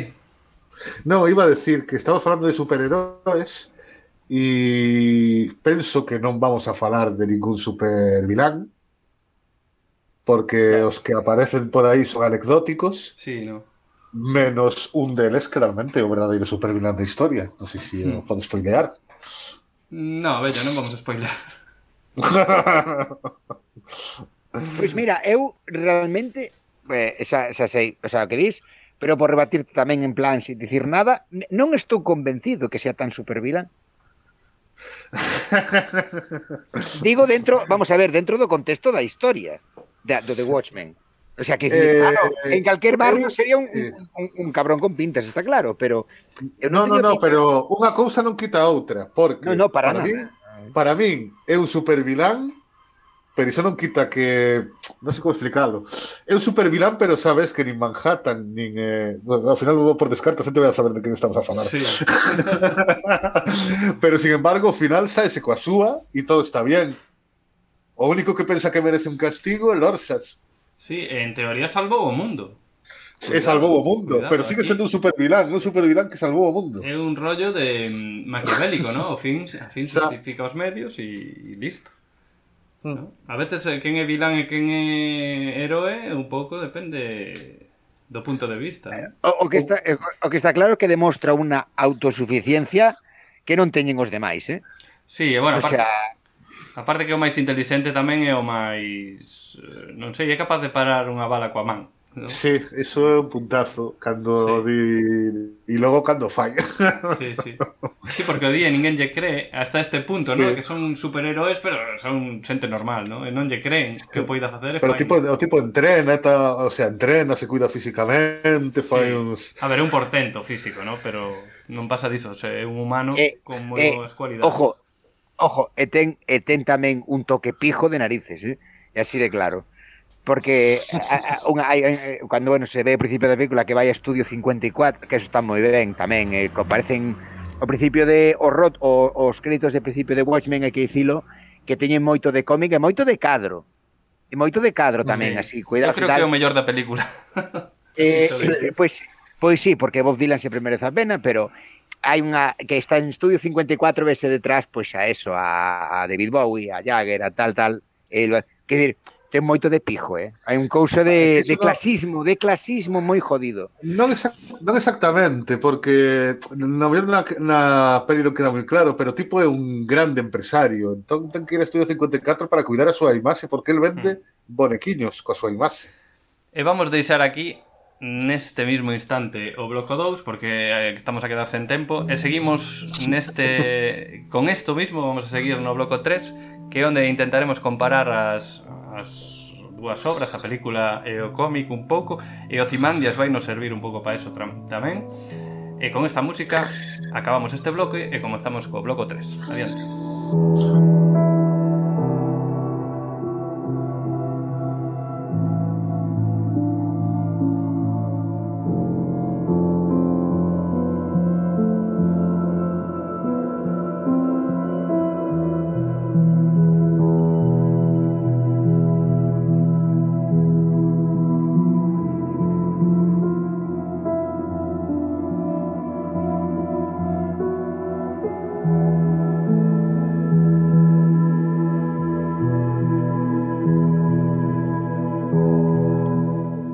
por algún lado que as ucronías adoitaban ser avisos do mal que podía chegar a estar a cousa se a historia ocorrese doutro xeito, como querendo facer boa a frase de Leibniz que dicía que o presente actual é o mellor dos presentes posibles.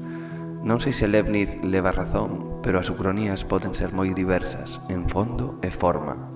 Evidentemente, a ucronía recorrente de se os nazis gañasen a Segunda Guerra Mundial é como unha distopía nun pasado irreal, e menos mal, adoitan nos dicir.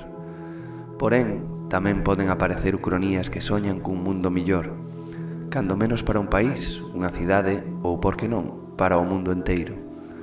Ou simplemente exercicios dramáticos onde os creadores, xogando a ciencia da historia, especulen con que tería pasado baseándose en rigorosos datos, probas e feitos algo semellante a eses documentais que especulaban sobre a vida na Terra dentro de milleiros de anos, que especies habería, cal sería intelixente. A ucronía tamén dá pé a mundos paralelos. O punto Jombar crea dúas realidades nas que vive a mesma xente, pero distinta.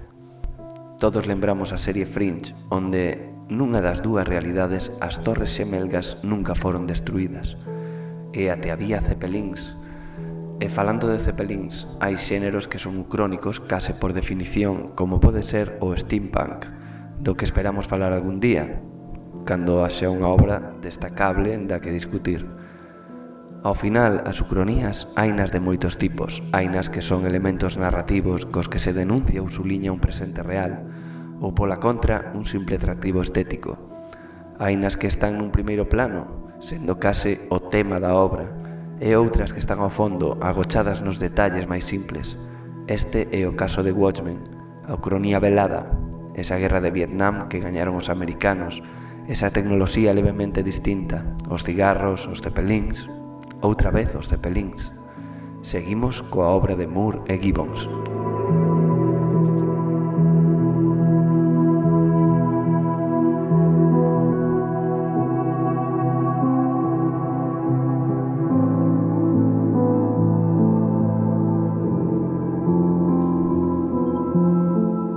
escoitamos a canción Orphans of Krypton que pertence á banda sonora, bueno, non sei se chama banda sonora dunha serie, a banda sonora da serie Watchmen que botan na HBO e da que, da que falaremos eh, despois ao final deste bloco. E imos continuar eh, prácticamente onde deixamos, no? falando, seguindo cos personaxes, porque Watchmen dá para moito. E xa vamos a empezar a comparar tamén a, a película co, co cómic. Estábamos a falar de Ocimandias, que este personaxe, este superheroe, supervilán, non sabemos moi ben o que é. Eh, eh, por exemplo, eu creo que na película, xa para, para ir metendo comparacións, na película perde moitísimo Ozymandias comparado co, co cómic. No cómic é un tipo, un emprendedor, como decía mm. Fran, é un tipo que ten unha liña de xoguetes, é, é multimillonario, eh, bueno, e no, e no cómic bueno, ten un aspecto así eh, comenta Alan Moore que para e Dave Gibbons que para basearse para facer a personaxe de Ozymandias esta, baseábanse así en, en cantantes, en actores coñecidos, en Robert Redford, e un deles era un deles era Julio Iglesias. Tiña- Tiñan aí a Julio Iglesias como referente para facer a Ozymandias. Eh, claro, estamos no ano 86, entón eso Julio Iglesias estaba aí na chama. E, e eso, eu penso que perde moitísimo Cimandias na, na... Non sei se é o casting, non sei se é a forma de actuar, a dirección, non sei o que é, pero non sei, non, non é o mesmo Cimandias no cómic que na que na película, é que no, no penso que cos outros personaxes a... están mellor na, a comparación. O Cimandias é o que máis perde, parece a mí. Que opinades? E hai un contexto que se permite no cómic facerse que na peli me imagino que non lle seu tempo. Daí o difícil de adaptalo. Porque realmente a personaxe do Cimandes eh, é o home máis inteligente do mundo, ni siquiera ven de familia, bueno, a familia tiene algo de carto, pero tipo eh, pasa dos cartos, desde cero crea, sabes, se gallo seus cartos tal. É o, o primeiro dos superheróis que descubre a súa cara despois de de Nick Mason, o que, sí, o que a, a novela esta, le tírase, e le tírase antes de que se proíban os superheróis, co calo tipo como que é inteligente e sabe medir os tempos, e, eh, e dá sensación incluso ao final de que todo este emporio de empresas que fai é para ter a suficiente cantidade de cartos como para montarse eh, un eh, cuartel seral na Antártida e montar todo este plan para salvar o mundo, realmente. Mm. Bueno, eu falo máis ben tamén do aspecto, do aspecto. Na peli ten aspecto que salle, xa o ves e dices, mmm, este non é trigo limpio. xa pon cara de malo, non sei se si, Obvio, si vos sí, pasou a vos. Sei. Uf, a ver, que non o sei, propio traxe, o propio traxe na peli non é na, non ten nada que ver co, co, co cómic. Eh, cando no, cos traxes son bastante so, acertan bastante, o sea, son bastante fiéis. E con este hmm. non, curiosamente non? Home, na, na, na película, o que na, na primeira escena onde sae, eh, sin estudiar moita psicología, verdad, que xa un se dá conta que un personaxe que está, digamos, moi narcisista. O sea, é un tipo que por a súa inteligencia o que sexa tamén ten ese componente de soedade, tamén ve a xente como cousas, non as ve os ve como peóns ou pezas onde el encaixa a súa o seu plan, o que sexa e tal, eu penso que eh, eh, a mí me, me, me ten un toque a ese, digamos, millonario neuroquino, tipo Trump ou tipo Rockefeller, eh? o sea, tamén, o sea, e penso que, que un que, que eso, que ten ese esa casta, digamos, el é de outra pasta, non? Por eso, moi consciente. Por eso mesmo non acertan na película, penso eu, porque se se che parece a Trump mm. a Rockefeller non ten na que ver co no, tipo do cómic. Non Eu eh... no cómic da sensación de que o tipo é millonario porque millonario, ser millonario é unha ferramenta do que sí. quere conseguir, sabes? É dicir, sí, a mí non me faría falta nin ser millonario, do listo que son, non me fai falta. É que o pero di... vou a ter para... Sí. O di directamente, eu sou bueno, millonario pero... porque eh... necesito ser millonario para facer este plan, si non eu estaría ali vivindo mm. nunha caravana, prácticamente eh, che di algo así. Xa, xa. Eh, sí, pero bueno, a fin de contas, eh, ou polo menos o que eh, el necesita unha serie de cousas, esa serie de cousas o, va, lle vai a dar o, a pasta, digamos. A ver, é que o, o tipo, por, por iso se pode confundir con supervilán. Cando tes un cuartel seral na Antártida, normalmente eres un supervilán. sí, sí, aparece James Bond por aí. eh, eh e penso que iso que, que entende moi ben, digamos, a en, entende moi ben cal é a situación está a outras cousas, o sea, está, está, está non está, digamos, a nivel rosa, que está a nivel outras cousas, de, mm. de, de poder, de círculos de poder, de tal. Mm, tamén un símil importante, ¿no? De que un ente privado que tranquilos que xa amaño e as cousas, aparte dos gobernos, sí. que eso é bastante inquietante, por outra parte, eh, eh, que decir, el mostrase pois co, con este con Moucho, no? Moucho nocturno no, mostrase pois amable ou amigable, tal e cual. Pero vamos, que el xa iso de, que si esto, que si los Watchmen e tal, a el xa está de volta. Entonces, xa se nota que está como de volta, como tal. Eso, Mm. componente tamén, un componente de soledade que tamén te leva a esos retos, eh?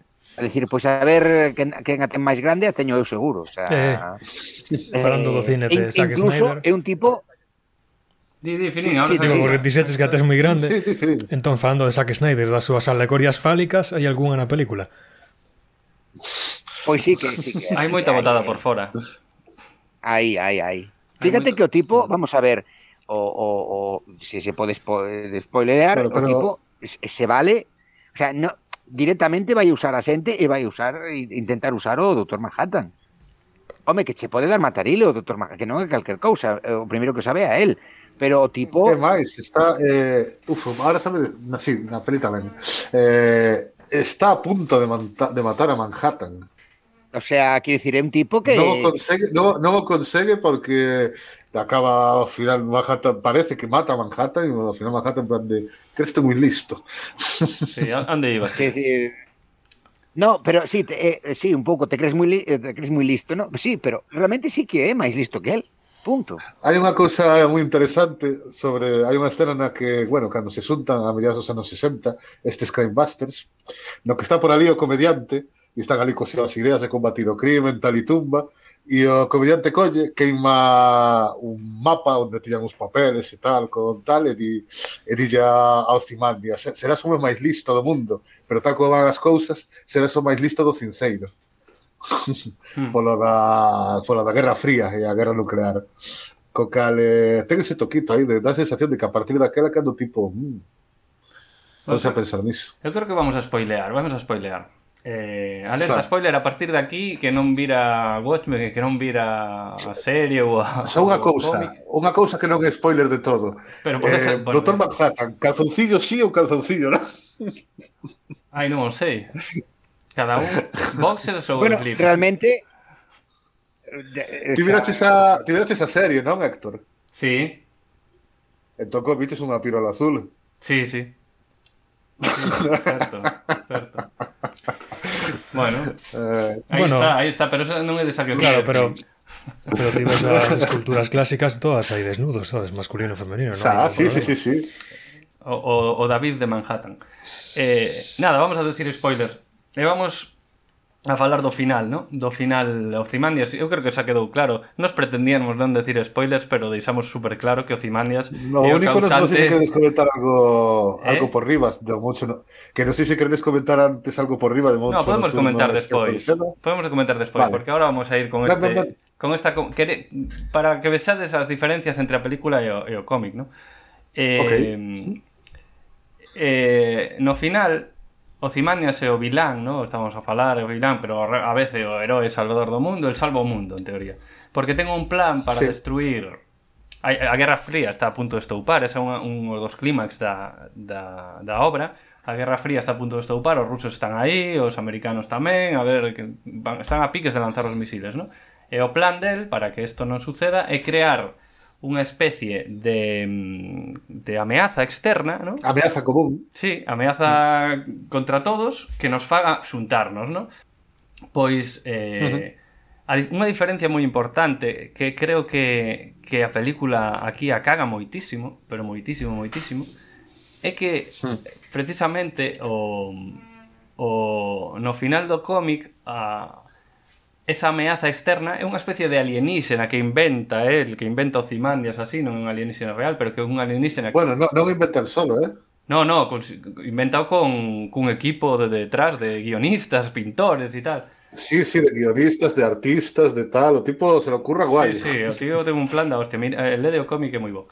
Eh, pero é unha ameaza externa, ¿no? Alienígenas, é algo que ven de fora. Sí. En a película é o propio Dr. Manhattan, ¿no? Si, sí, fan ¿eh? creer que o Dr. Manhattan é o que causa claro. unha destrucción de tal calibre que a Unión Soviética e Estados Unidos deciden aliarse contra a ameaza do Dr. Manhattan. Claro, pero a mí resultoume eso un pouco extraño porque o propio Dr. Manhattan non ah. deixa de ser un arma estadounidense, non? Eu creo que os rusos ou Xa. o, outro, o resto do mundo miraría iso como algo que se lles foi das mans aos yanquis e que se explotoulle na cara, non? non, non me casa tan ben, sabes, hai esa cousa. A parte de outras moitas cousas que xa falaremos. Non sei que sí. vos parece isto.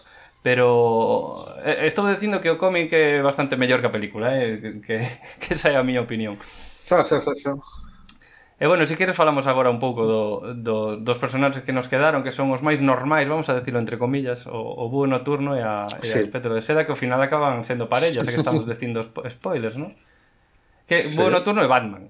Ten cacharros, ten vehículos, ten un vehículo voador, non? Mm. Básicamente. E sí, como de seda, mininave. Espectro de seda non sei, é... Algún actor conocido?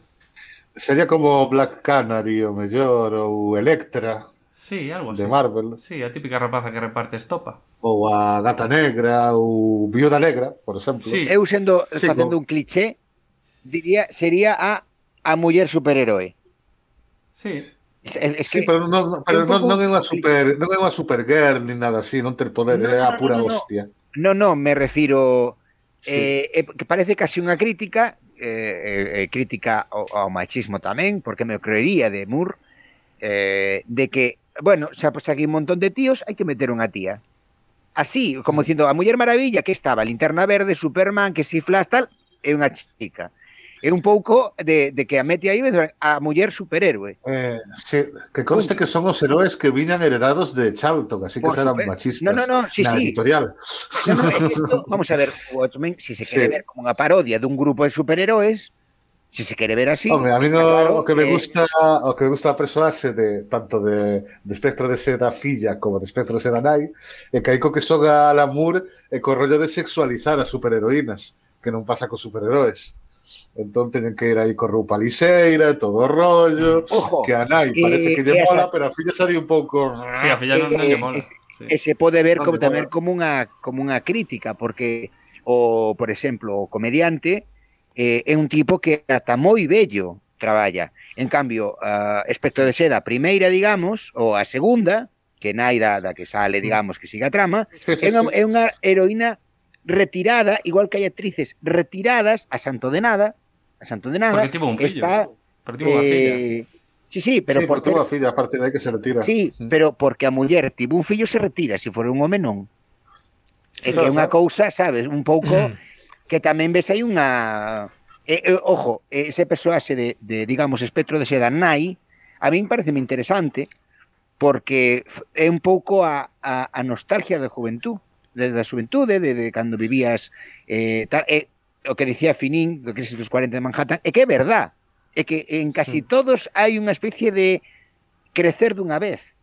Hai unha especie de como que non me encontro ahora como son ou algo así. Hmm. Penso que hai moita crisis dos 40, eh, eh sí, sí. Hmm. É que che va a decir ahora, e ese outro grande spoiler eh, relacionado con aspecto de seda, que opinades? A violación? sobre o pai, o pai de Espectro de Seda. Ah, sí, sí. Que o comediante. Eh, claro, non, ahora, non, ahora non me lembro na película exactamente como tratan, se si vos digo a verdade. O, o, que, yo mostra o Dr. Manhattan a ela. Sí, é unha... na, no cómic está moi ben tratado porque van como tirando do fío e sí. dase conta. entón é mola.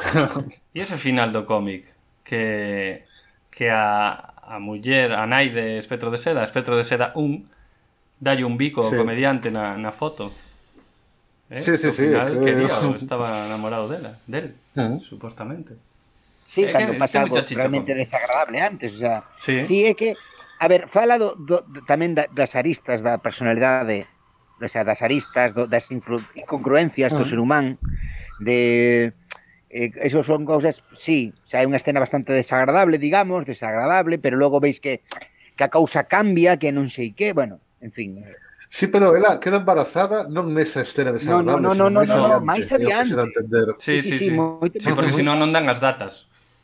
Sí. Ademais, o, o comediante tiña cando, bueno, que a primeira escena da película é que lle dan, digamos, mataril, empeza por aí, hai unha foto de espectro de seda. Ten un, el ten unha foto uh -huh. na parede ou non sei, non acordo ben, hai unha foto.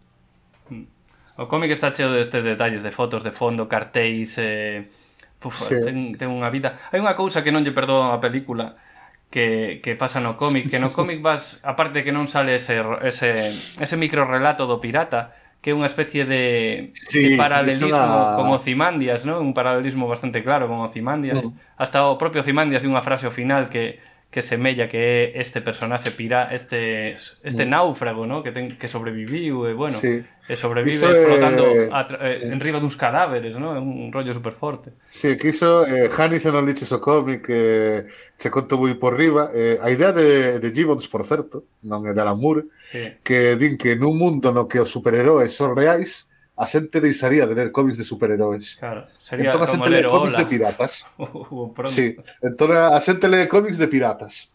Hmm. E entón hai, un momento, hai momentos durante o do cómic no que hai un chaval eh, que está lendo un cómic de piratas que como é o rollo a lenda do buque negro ou algo, algo así, así, ten sí. título así que hostia de, de, no sé cómo decirlo, de mórbido, de, Uf, sí, de macabro, mórbido, mórbido de, palabra, de, la sí. hostia, eh, y que es una peli no aparece para nada, cero, quitaron por completo. Y da que sea polo toquito de ambiente que lle dan o cómic, mola, mola moito. E unha alegoría do, do que fai Ozymandias, basicamente. Sí. No, tipo, algo. Algo así. Pero non é eso exactamente o que non lle perdoo, que bueno, non, non pon eso como non poñer a Tom Bombadil mm, no, en, no Señor dos Anéis, non? Pois non o pos, pois non o pos. Mm. Pero todas esas personaxes que salen no cómic, eh, moitas delas eh, non sa sabes o que fai Alan Moore de, de irnos enseñando personaxes pouco a pouco, uh -huh. inda que sea un pouquiño o psicólogo, o quiosqueiro, o rapaz, este sí que sale na peli, ou mm, mm. unha parella que discute, os policías, aquel tal. Estos sí, tipos, a taxista lesbiana, a taxista lesbiana, sí. sí. Estos tipos eh, no, no cómic, despois da explosión, miras, míralos ali mortos, a todos, ¿no? Alan. Moore mm. o que fai está humanizando as víctimas, ¿no? Destas, destas destruccións de mm. cidades e desta, destos rollos. Estás, estás los vendo aí a tipos que medio coñeces, medio ou, ou algúns xa os coñeces bastante. E na peli isto non pasa. Entón é como... É como que mm, non captas aí que creo que é algo importante este rollo do cómic. E eso o Zack Snyder que é dun cine de molar, é un cine de molar, como decía antes Finín, do, dun xeito máis metafórico. Eh, por exemplo, unha, esta, esta copio ya lo eulogio que ya escoitei decir hai unha escena que Rorschach ao principio de todo sube a, a un sube a, ao edificio onde vive o comediante para ver o, o cadáver ou para buscar pistas mm-hmm. e sube cun gancho e escala escala tipo Batman, ¿no? pero escala sí, sí. Custalle subir miras aí o tipo esforzándose chega ao riba, sube a, sube a barandilla e na peli o tío, a ver, é un, é un exemplo así, pero, pero bueno, isto é extrapolable a máis cousas. Na peli tira o gancho e sube voando, sabes? O gancho é retráctil uh -huh. ou mm-hmm. que sea e sube voando. Estos son o, e, eh, e entra dun salto de xeito espectacular, ¿no? Er, este tipo de, de rollos de molar, ¿no? De ser cool. Eh, sí. é o que, é o que, e creo que o cómic non é nada cool. A pro, o sea, a propósito. O de que pero o... Cool. o sea, ese apease da, dunha película que, que, na que queres vender, ademais. Claro. Non solamente os fans do cómic. Sí, sí. Entón, a partir de aí, se si non faz unha peli só so, pois fans do cómic, eh, as escenas a escena en prisión, a hostias co tal, todas as escenas de acción do cómic Es que non fan falta, a, a no. escena de, de, de, de, de, de, da película, a ver, é que ten eh, Zack Snyder ten moito de videoclip, Que decir, sí, escena... o, os antidisturbios estes, ah, es, bueno, antidisturbios es, es, serían os geos estes entrando para deter a Lorsats. E que... Sona, no cómic non, non é tan cool, tan guai. No, no claro, pero el, el mete os seus rollos de videoclip a escena de que digamos enfilan nun hmm. pasillo o, o moucho nocturno máis espectro de ser enfilan digamos a xente que van a unha cárcel e tal aí hai unha especie de cámara lenta acelero paro, non sei que que ao final é o que fai en 300 cando aí o Leónidas pois pues, dice, espera que hmm. Estou lembrando dunha dunha cousa que din de, claro. de Zack Snyder que é o autor dese videoclip tan largo que se chama 300, non? Eso escoitei no decir de, Claro, é que vamos a ver ah, eh, Hai unha, hai unha que fai sí. una película O sea, el fai unha película, el de diabá, sí, sí. adaptou Watchmen e tal e cual, pero bueno, tamén hai que ter en conta tamén estas cousas, cando se adapta un cómic, se adapta o cómic ao cómic, mm. e a peli pode ser mellor ou peor, están, creo que non está mal, digamos. Eh, pero a unha obra nace como nace. O sea, a peli creo Na que... peli no... sa, sa, hai temas que lle saen mellor e temas que lle saen peor. A ver, mala por exemplo, non un tema que lle sae, que lle sae moi guai, eh, por exemplo, coa relación entre Mocho, Mocho Nocturno e Espectro de Seda, eh, que a coña que, claro, Mocho Nocturno, realmente Mocho Nocturno é un nerd, un flipado, que se flipa co Mocho Nocturno primeiro e hereda, eh, hereda ese nome, para o seu superhéroe con gadgets y toda la pesca, ¿no? Y entonces hai un momento no que se xunta co espectro de seda na peli e tal, e parece que se van a enrollar, tal, e a cousa non funciona. E entón vanse a dar un voltio pola rúa, van a patrullar como cando eran superheróis, lle dan unhas hostias a uns pandilleros, e entón volve a, a nave do Moucho, e é cando por fin xa funcionan na cama Pois eso, sí que o filma guai Snyder, hai corrello aí botando lume o... non sei se vos dades conta. A metáfora máis obvia da, da historia, non? A canción este... da aleluya, ademais, joder. Sí. Non é unha metáfora, tío. Xa ver unha metáfora ahora, falando simplemente desde o punto de vista estético e con todos os meus respetos para Zack, ¿no? Zack filmaría ou rodaría un partido de balonmán entre rapazas vestidas en tanga e en bikini, E Alan Moore filmaría un partido de balonmán de tíos vestidos con camisetas de algodón e bermudas, ¿no? Estéticamente, quero decir. Bermudas. Bermuda aí. bermudas de flores. Sí, bermudas de flores ata os eh, xeonllos. Mais baixo. Pode ser. Pois vamos deixar aquí este bloque, non sei se si queredes engadir algo máis, pero se si engadides algo máis que sexa no, moi rápido. Eu creo no, que no, por iso, vai, bastante, dame, que senón... Claro. Mm. Pois aquí queda, eh, recomendamos por suposto que vexades o cómic, que creo que, a ver, o cómic, hai que facer unha peli deste cómic que é un dos grandes sí. cómics da historia, ¿no? un dos máis grandes que hai. E a peli, bueno, unha peli non está mal, pero tamén unha peli esquecible, ¿no? Para, na miña opinión. Entón, era difícil. Poderían ter feito unha, unha serie, pero... Que fixeron unha serie. Que, a... Ah, que fixeron pero non fixeron unha serie. De... Pero a serie non é unha adaptación do, do cómic. Non, é como unha continuación, ¿no? no futuro, é o futuro. Sí. Sí, vamos a mencionar así moi rapidamente, se quen a quera ver que a vese é moi recomendable, ademais está está moi ben. Sí, está moi ben, eh. É ambientada no futuro, grata sorpresa. No, no futuro de Watchmen, poñamos non sei cantos anos despois, pero 10, 15 anos despois pode ser isto. Ou 20. Eh, no, é 2000 e pico, esa Ah, pues por ahí. Ten que ser como 20, como 20 anos despois, tranquilamente. Sí, 20, 30. Igual é no presente, pero no presente dese, desa ucronía. No, no casi presente, algo así. Sí. sí. Pois sí, moi, moi recomendable, moi recomendable. Rematamos aquí este bloco 3 e con esta música adentrámonos no bloco 4.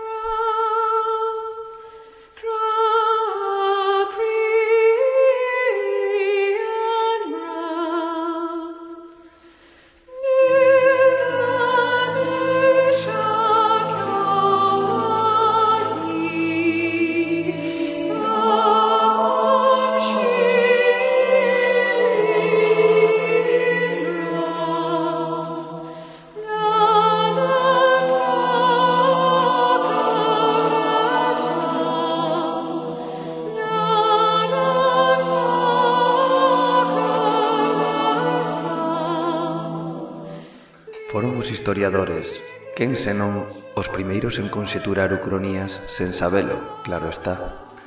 E ímonos até onde lle gusta retroceder ao noso experto en asuntos italianos, até a Grecia clásica, como mínimo exixible. Diz que Teucícides foi un dos primeiros en preguntarse, por escrito, claro, que senón as primeiras ucronías levaríannos a eses anos onde se levaban as peles de dentes de sabre cun neandertal preguntándose que tería pasado se non estivese a piques de se extinguir. Pois iso, Teucícides fíxose a famosa pregunta que tería pasado se os persas gañasen as guerras médicas? Interesante cuestión, por outra banda.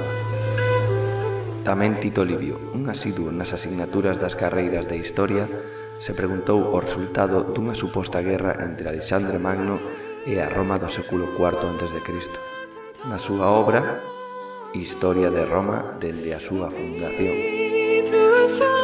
Porén, deamos un salto xigante, escribando a placaxe de Finín e acheguémonos aos séculos XIX e XX, cando os cronistas se preguntaban, sobre todo, como sería o mundo se gañasen as guerras que perderon ou se perdesen as guerras que gañaron. Acheguémonos, como dicen, miremos esa obra que utiliza a Ucronía como unha forma de expresión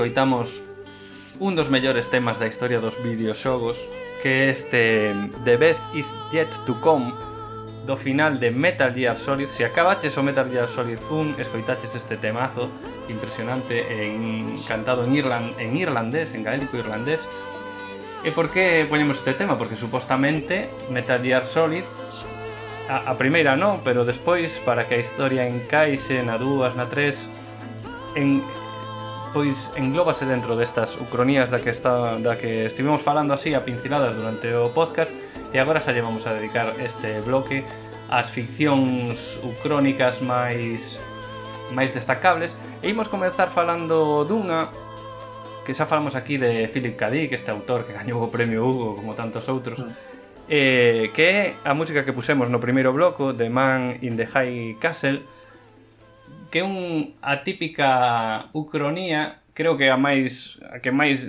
se fixo, da que máis se escribiu, de que, que pasaría se os nazis gañasen a Segunda Guerra Mundial, non? E hai unha serie que de Amazon Prime, e non sei se queredes comentar algo desta serie, se está ben, se está mal, se listes o, o relato deste home de... É, é unha novela, non? Unha novela de Philip K. Dick. Sí, unha novela de Philip K. Dick. Comentademe algo. Quen queira. Eu teño novela, pero ainda non a liña. ¿eh? Vale, teño espera. Eu vi, na, eu vi na serie. Que tal está? Mm. Bueno, eh, a ver, é unha serie que tanto nos trailers como nun algúns capítulos eh, será moita expectativa de que vai pasar, vai pasar. Eh, a xente que a vez e tal, igual non encasou, eh, non, non acabei de sair eu coa serie, eh, se interpreta interpretase unha guerra fría entre Alemanha e Xapón, que son as potencias dominantes, centras en Norteamérica, aparte dun mapa un pouco extraño dos japoneses, toda teñen toda a costa oeste, ata as, ro hasta as montañas eh, rocosas. A partir de aí van ao territorio, digamos, dos nazis. Mm. Eh, crea expectativas porque realmente o que un quere ver xa mostra, digamos, unha sociedade nos anos 50 eh, perfectamente institucionalizada do nivel eh, sea dos nazis e dos japoneses e tal, un o que quere ver realmente, a, a meu juicio, a crítica, a crítica, e eh, que non se acaba de ver como se conseguiu eso, como se chegou a iso.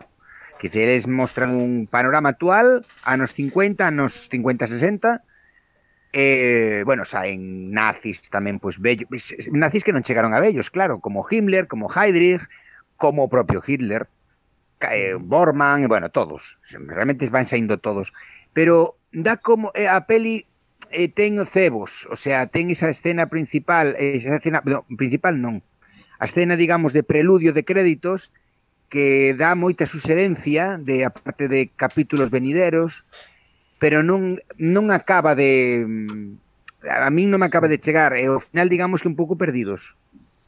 É un pouco perdido de, de perdidos nunca mellor dito, de decir, bueno, eh, por aquí.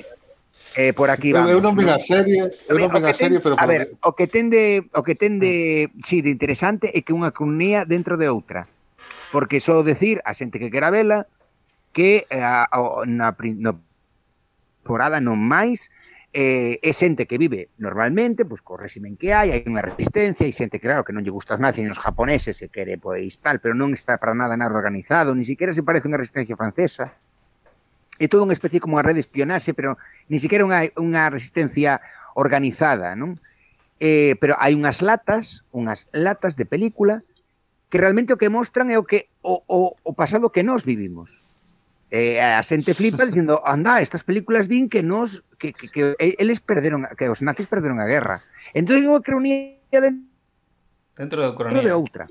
Porque eles, claro, ven esas películas sí. donde sale isto, donde non sae, Claro, eh, eh, eh vai por aí. Eh, vai por aí. Vin, pero na, si na novela na novela hai como uns escritos, non son unhas latas de película, Ali pero sí que hai uns escritos con un con un e si os nazis perderan a No, no, ali son latas máis ali. E máis moi icónicas de cando pues, eh, pois pues, pues, iso se o sacaron da manga.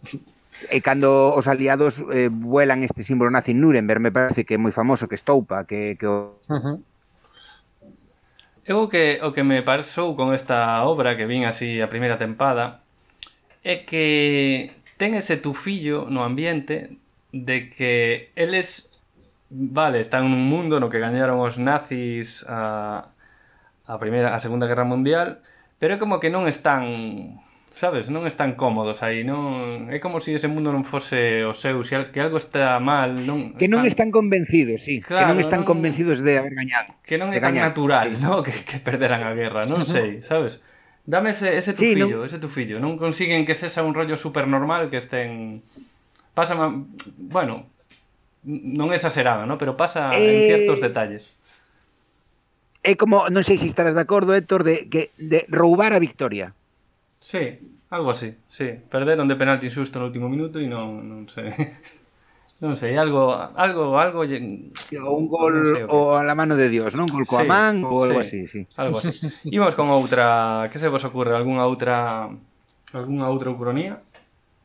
Que destaquedes? Eh, temos a de Patria, a de Fatherland de Robert Harris que chegaron a facer unha unha TV movie con eh, como se chama, con Luther Auer e con Julian Moore. E cale o no punto, que, John bueno, Barnes? é unha pois que o mismo, os nazis gañan e o que hai é un, eh, un asesinato no ano 64 eh, dun cadáver dun xerarca nazi e, bueno, pois un pouco está nese contexto no que ainda están en guerra coa Unión Soviética pero que Europa e Estados Unidos e que a, están eh, baixo baixo poder dos nazis. Iso, iso mesturado cunha trama criminal. É unha novela policíaca dentro dunha ucronía. Uh -huh.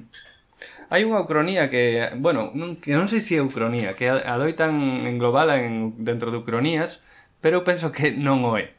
Que é Malditos Bastardos, no? De, de... Non o é. Claro que non o é, no? Porque ah, sí. sucede no, o, pon, o punto Jombar sucede ao final da película, no? O Por sea, iso non ten sentido. Non, non é unha cronía para min, polo menos. Non, non. no eso, eso é unha pirueta, eso é unha pirueta. Claro porque vamos, si se podemos facer spoilers, non sei, pero sí, é que sí. se cargan nun, nun cine de mierda de Francia, cárganse toda a cúpula nazi de un plumazo. O sea, que... uh -huh. e, a, e gañan a guerra, e a matan a Hitler, e fin. O sea, que eso é unha pirueta que... Claro. Claro, claro. Eh, hai un documental, eh, creo que producido por Spike Lee, dirigido, no, penso que non, creo que solo producido, que é eh, Confederate States of America, ah, o que soga con eh, sin na guerra de, de secesión de Estados Unidos gañaran os confederados. Sí. É boísimo. Entón é un falso, boísimo. é un falso, documental. documental. É un falso documental moi bo, moi bo, boísimo, vamos. Eh, mm. e, e por certo que, que, que aparte que cando un veo falso documental que, que, que flipa e que dá terror, eh? dá bastante te porque claro. está contando tal, salen como historiadores de, de o sea, todo bueno. A cousa que na actualidade ainda habería esclavismo Pero ten cousas que realmente están na realidade. Sí. Pues hai cosas que están na, na realidade, cosas de racismo integrado, microracismos, por así decirlo. Pois pues a tutiplé, vamos, o sea, unha cousa de que, que mira, isto é mentira, pero é moi boa que referiche ti, Fran, e que, é que é moi boa, xa, ese documental moi recomendable. Fran, que decías? É falso documental, perdón, falso documental. É falso documental. No, decía que xoga moito a que a, na actualidade en Estados Unidos eh, a, o esclavismo é legal, polo medio do falso documental incluso hai anuncios como publicidade de hmm. aquí tal, este se de, algo como, como de collares que lle poñen o pescozo para que non escapen e salten a descarga, o típico doméstico para ter sí, sí. o esclavo aí baixo control. Eh, sonando con que en Europa eh, lle fan como un boicot a Estados Unidos por ser esclavistas. Hai unha rede que eh, fai para que os esclavos escapen a Canadá. Xoga con eso, con esa premisa de que Eh, e ainda hai escravismo en Estados Unidos na actualidade. E está, bueno, decía Jari, é un, é un puntazo. Sí, en política exterior cara a Sudamérica. Xa, xa, xa. A de poñer baixo a bota toda América para eles. O sea, que eso francamente, o sea, eso pasa, eso, eso pasou, que os acordos comerciais de Estados Unidos con todos os países sudamericanos, home, si, eles nunca se iban perdendo, por así decirlo. O sea, eh, ten cousas, sí, cousas de, de, de fábula, está claro, de, de cronía, e logo eh, pon de manifiesto, mira, isto que te parece tan tan fantasioso non é tanto porque isto pasa, o sea, se pasa. Que dizer, eh, non sei que era este este programa de Cops, non? De, de Pol Sí, facemos a coña, creo. De criminais. Sí. Eh, eran, casi todos eran negros, que eran negros, evidentemente, solo detiñan a negros, uh -huh. a xente negra. Xa, pero estamos, sí, sí, unha cronía moi, moi chula e, e, e inquietante tamén. En inquietante relación ahora a temas así de racismo e tal. A ver se si Francisco me pode rebatir, porque eu, se me ocurre que esta película de, do cinema Mondo, que se chama Adeus eh, Tío Tom, non sei se a miraches, ah, se, sí? se sona, que ven sendo unha representación dos eventos que sucederon pois, na esa América do Sur, esclavista, etc. Que de alguma maneira... No, de alguma no, maneira é un falso documental. Que é un falso documental, pero que de alguna sí. maneira o proxecta cara ao presente, é dicir, as persoas que ali participan nese documental chegan en helicóptero, levan as súas cámaras, entón fan un pouco unha traslación de, bueno, dese mundo sí, sería outro xénero. Eh, sería un falso documental, pero co, supoñendo que estes reporteiros viaxaran ao pasado, uh -huh. á época do esclavismo, e a cando se traía os barcos negreros, e todo o rollo, sí.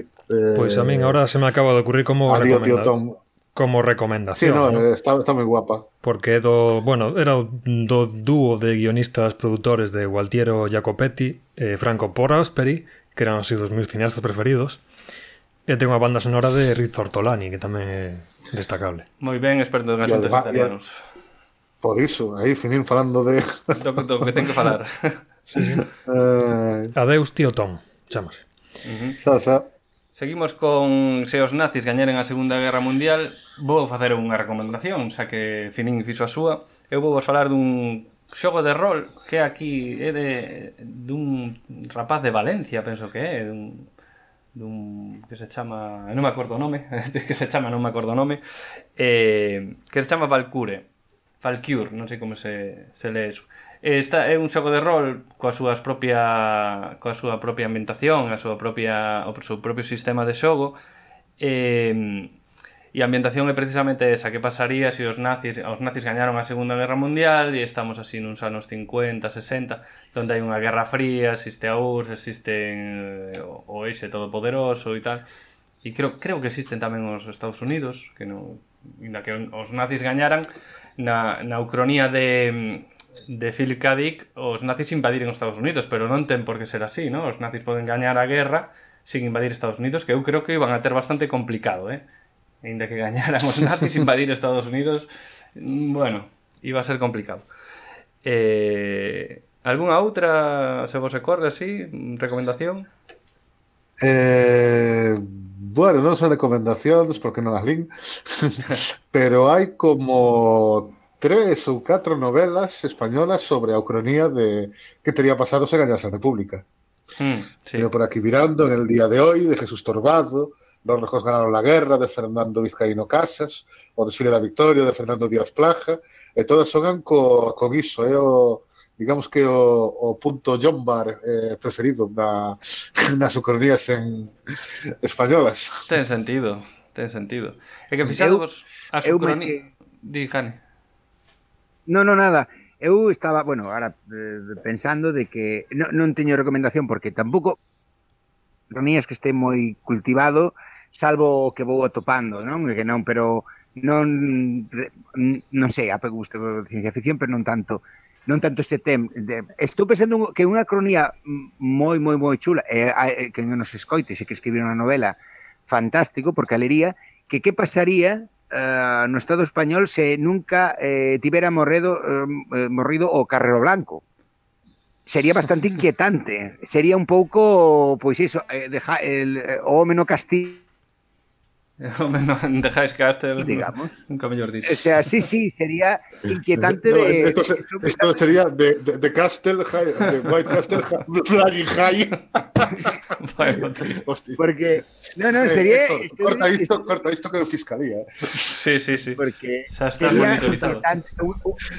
No, no, vamos a ver, as series españolas, hai series españolas moi boas de producción española, eh, o Ministerio do Tempo e tal, pois mm. poderían facer esa ucronía, ¿no? De que pasaría se si este pois non voara por aí. No Ministerio do Tempo hai unha ucronía, hai unha especie de ucronía nun capítulo que que Felipe II eh viaxe no tempo. Viaxe no tempo e consigue facer un imperio que chega a temporal, sí. un imperio temporal. Entón, este, este capítulo é boísimo. Sí. Ese capítulo é boísimo, unha pena que non tivera máis presuposto para que quedara máis bonito. Eh, e mola moito porque eu mirei a... É que eu mirei o Ministerio do Tempo, a versión portuguesa, e hai un capítulo coa mesma premisa, porque vos lembro que Felipe II foi rei de Portugal. Sí. Pero e terceiro e cuarto, eh? Sí, es, pero o solucionan de maneira distinta a versión en española na versión portuguesa simplemente eh, ocultan ya a Felipe II que hai un Ministerio do Tempo, e punto. Maldito rei español. Non é unha época eh, de, da historia portuguesa moi eh, agradable para os portugueses tempo dos Felipes, por certo. Tampouco para española debería, pero bueno, aquí... Hai outra, hai outra eh, ucronía, esta vez en, eh, inglesa, eh, Pavana, de Kate Roberts, onde soga con que Armada Invincible, pois eh, gañar a Inglaterra eh, e houver un predominio da Iglesia Católica en todo o mundo. Hmm. E acaba sendo unha ucrania estas un pouco distópicas que non, non lleva ben a... Hai outra moi interesante que non me lembro de quen é, e nin siquiera si é, si é máis un, un traballo de, non sei, de imaginación histórica, que, que, que hmm. pasaría si, si os romanos non se cristianizaran, non? non se cristianizaran. Sí, esa existe, Roma Eterna ou algo así, Roma Eterna, chama, sí, sí, sí. sí. Eso sí, sí que é interesante. Que, que pasa se que... o Império Romano ainda durase hasta agora. Sí. Semella que Ucronía, canto máis lonxe te vayas a buscar o punto Jombar este, máis difícil é, non? E máis posibilidades se abren e máis... Máis idas de olla, claro. Claro. Bueno, e máis liberdade tamén, ¿no? Bueno, se si os romanos eh, non foran cristianos, podes decir que agora igual estábamos colonizando Xúpiter, eu que sei, sabes? Eh, eu teño a teoría que vai un pouco co que xa falamos en Terminator, E que o futuro, o sea, o presente e o futuro mm, acaban sempre conversando no mesmo. Xa o decía, creo que era en Terminator 3, que ao final, fagas o que fagas, sempre imos chegar a un futuro, o único futuro, entón que non existen esas ucronías. Si sí, pero Terminator 2 di que se pode cambiar o futuro, que ten razón. Terminator 3, Terminator, Terminator 3, 3, porque ten máis. Porque despois. Porque despois. eh, incluso eh, Pérez Reverte falaba nunha, nunha entrevista de, de bueno, de cando escribe os seus artículos de historia de España no, no semanal da Voz, eh, nunha entrevista escutelle de, de que el pensaba que falaba casi dunha cronía porque decía que cando hai a reforma protestante no norte de Europa, aí favorecese o comercio, a a pois eh, o intercambio e tal e cual e que o sur de Europa queda no catolicismo, digamos, máis reticente, máis de, de, de confrontación con ese O sea, que se bipolariza, digamos, Europa. E decía, no, nos nunca escollemos o camino bo.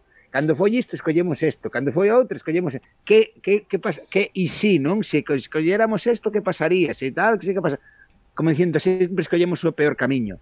De, eso é parte da cronía, de pensar que pasaría así. Eso eh, é España, Galicia xa non che conta. ¿no?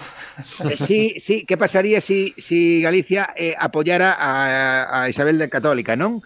pois que pasaría? Sí, que, que, que tivera pasado? Sí. Eh... Galicia apoiou a Isabel a Católica, que pasa que foron os...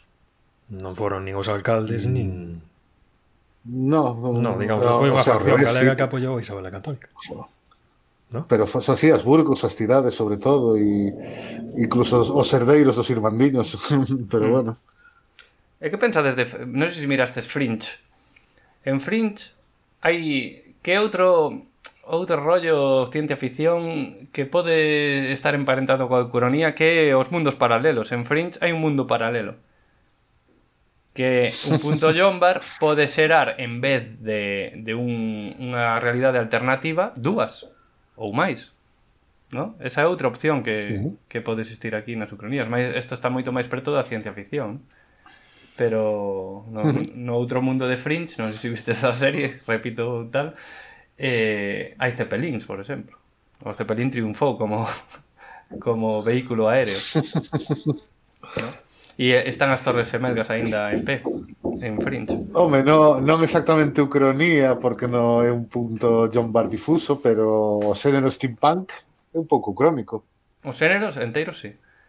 Este, sí, eso porque... no steampunk sí. soga un pouco coa tecnoloxía do vapor da, serese máis do que sí. daba hai unha ucronía guai que sería que, fa, que pasaría se si triunfara o, o beta en vez de VHS ¿no? tamén creeríase o xénero beta punk tamén eh, bueno, quero falar un par de cómics que, que lin un chamase Día D un cómic francés e cada capítulo prácticamente unha ucronía son como 20, 20 e pico tomos eh, eh, céntranse en cousas francesas, ¿no? Que pasaría se Francia perdera contra Tailandia, non sei, bueno, esa, en Indochina, no, cousas francesas, son todas agora mesmo.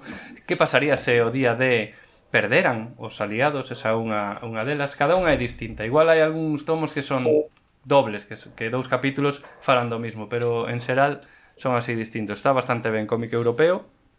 E despois hai outra que se chama Ex Machina, que é deste deste guionista que está medio de moda agora en Estados Unidos, Vincent K. Baum, non sei se os conoceredes, eh, que trata dun, dun tipo que é capaz de comunicarse coas máquinas, non? E por que unha cronía isto? Porque el chega a ser alcalde de Nova York, e sendo alcalde de Nova York impide que a segunda torre semelga eh, caia abaixo, con pois cos seus poderes entre comillas, e a partir de aí sí que crea un mundo diferente ao, ao actual, entón nese sentido sí que é unha cronía, é un cómic bastante recomendable, Ex Machina.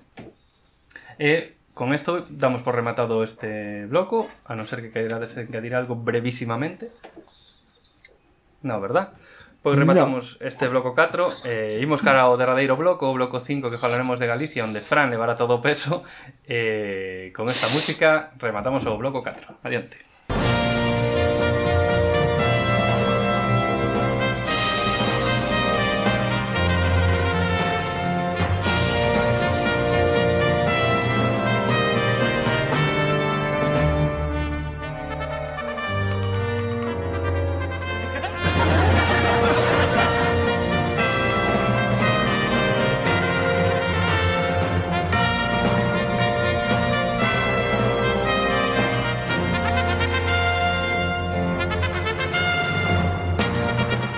E escoitamos a música desta serie que botou a TVG a Víbora Negra eh, protagonizada por Rowan Atkinson e tamén por Hugh Laurie, entre outros.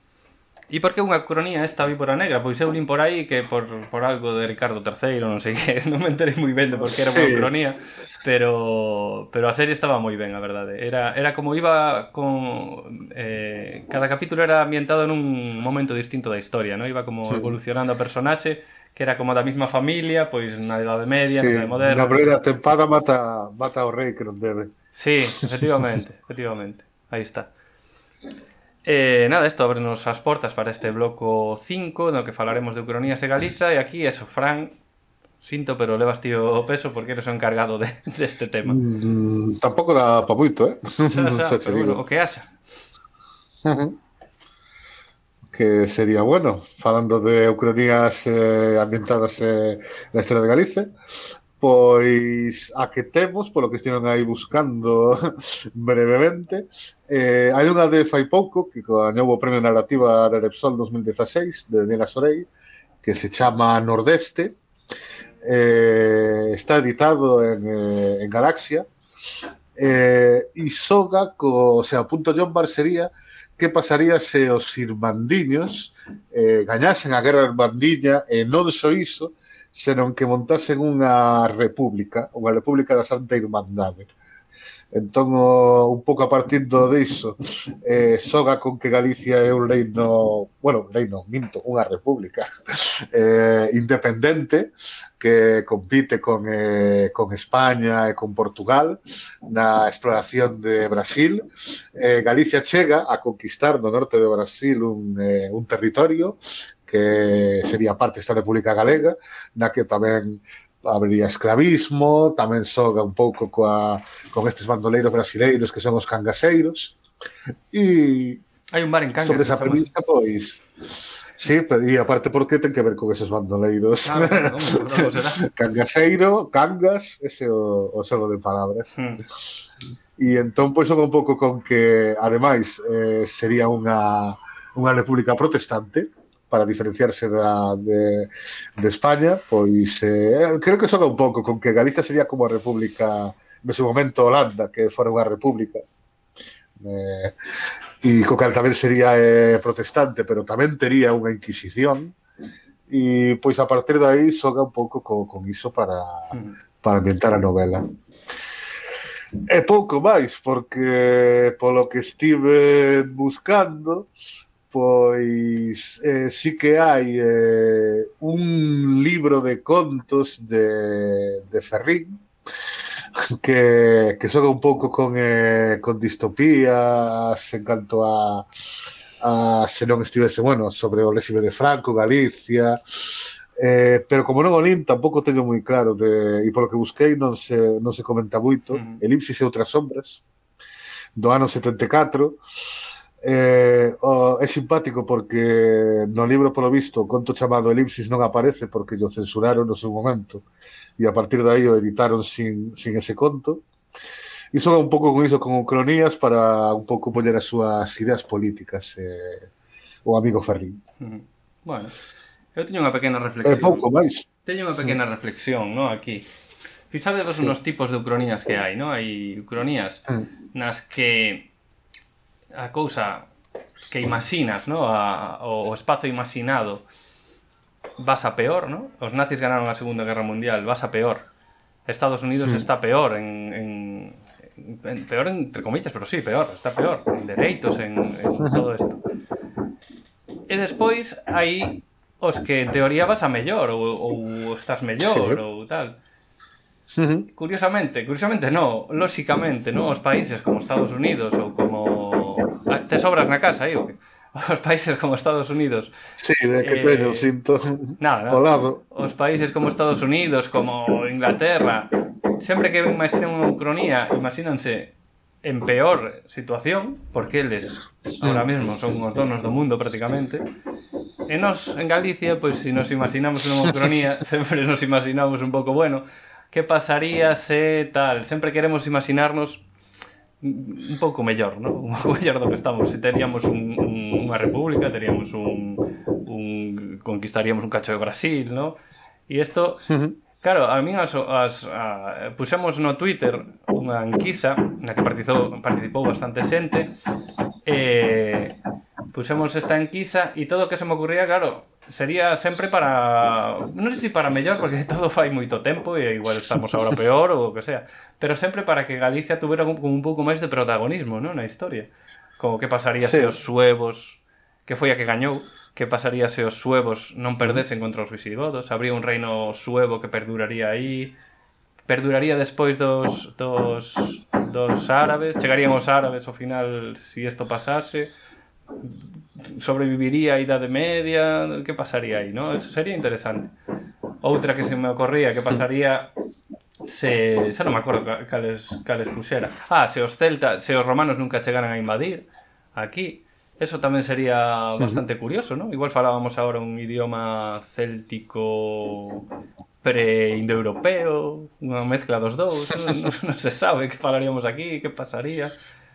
No? Eh, son todo cousas así como que como que Galicia sería tería máis relevancia, non? Na da que nos din que ten polo menos. Non? Xa, xa. Na historia. E iso creo sí, que teño, un... teño aquí diante de máis. Eh, os romanos non chegaron, os súberon perderon, Portugal non se separou. Ah, esa outra, claro. É outra que tamén os portugueses podían se preguntar, non? eh, Pardo de Cela triunfou que sería que plan de que apoyando a zona beltranesa dañarían os reis católicos. Sí, efectivamente. Entendo que sea premisa. Sí, sí. E incluso estaría guapa, incluso, eh, se a Revolución Liberal de 1846 triunfase.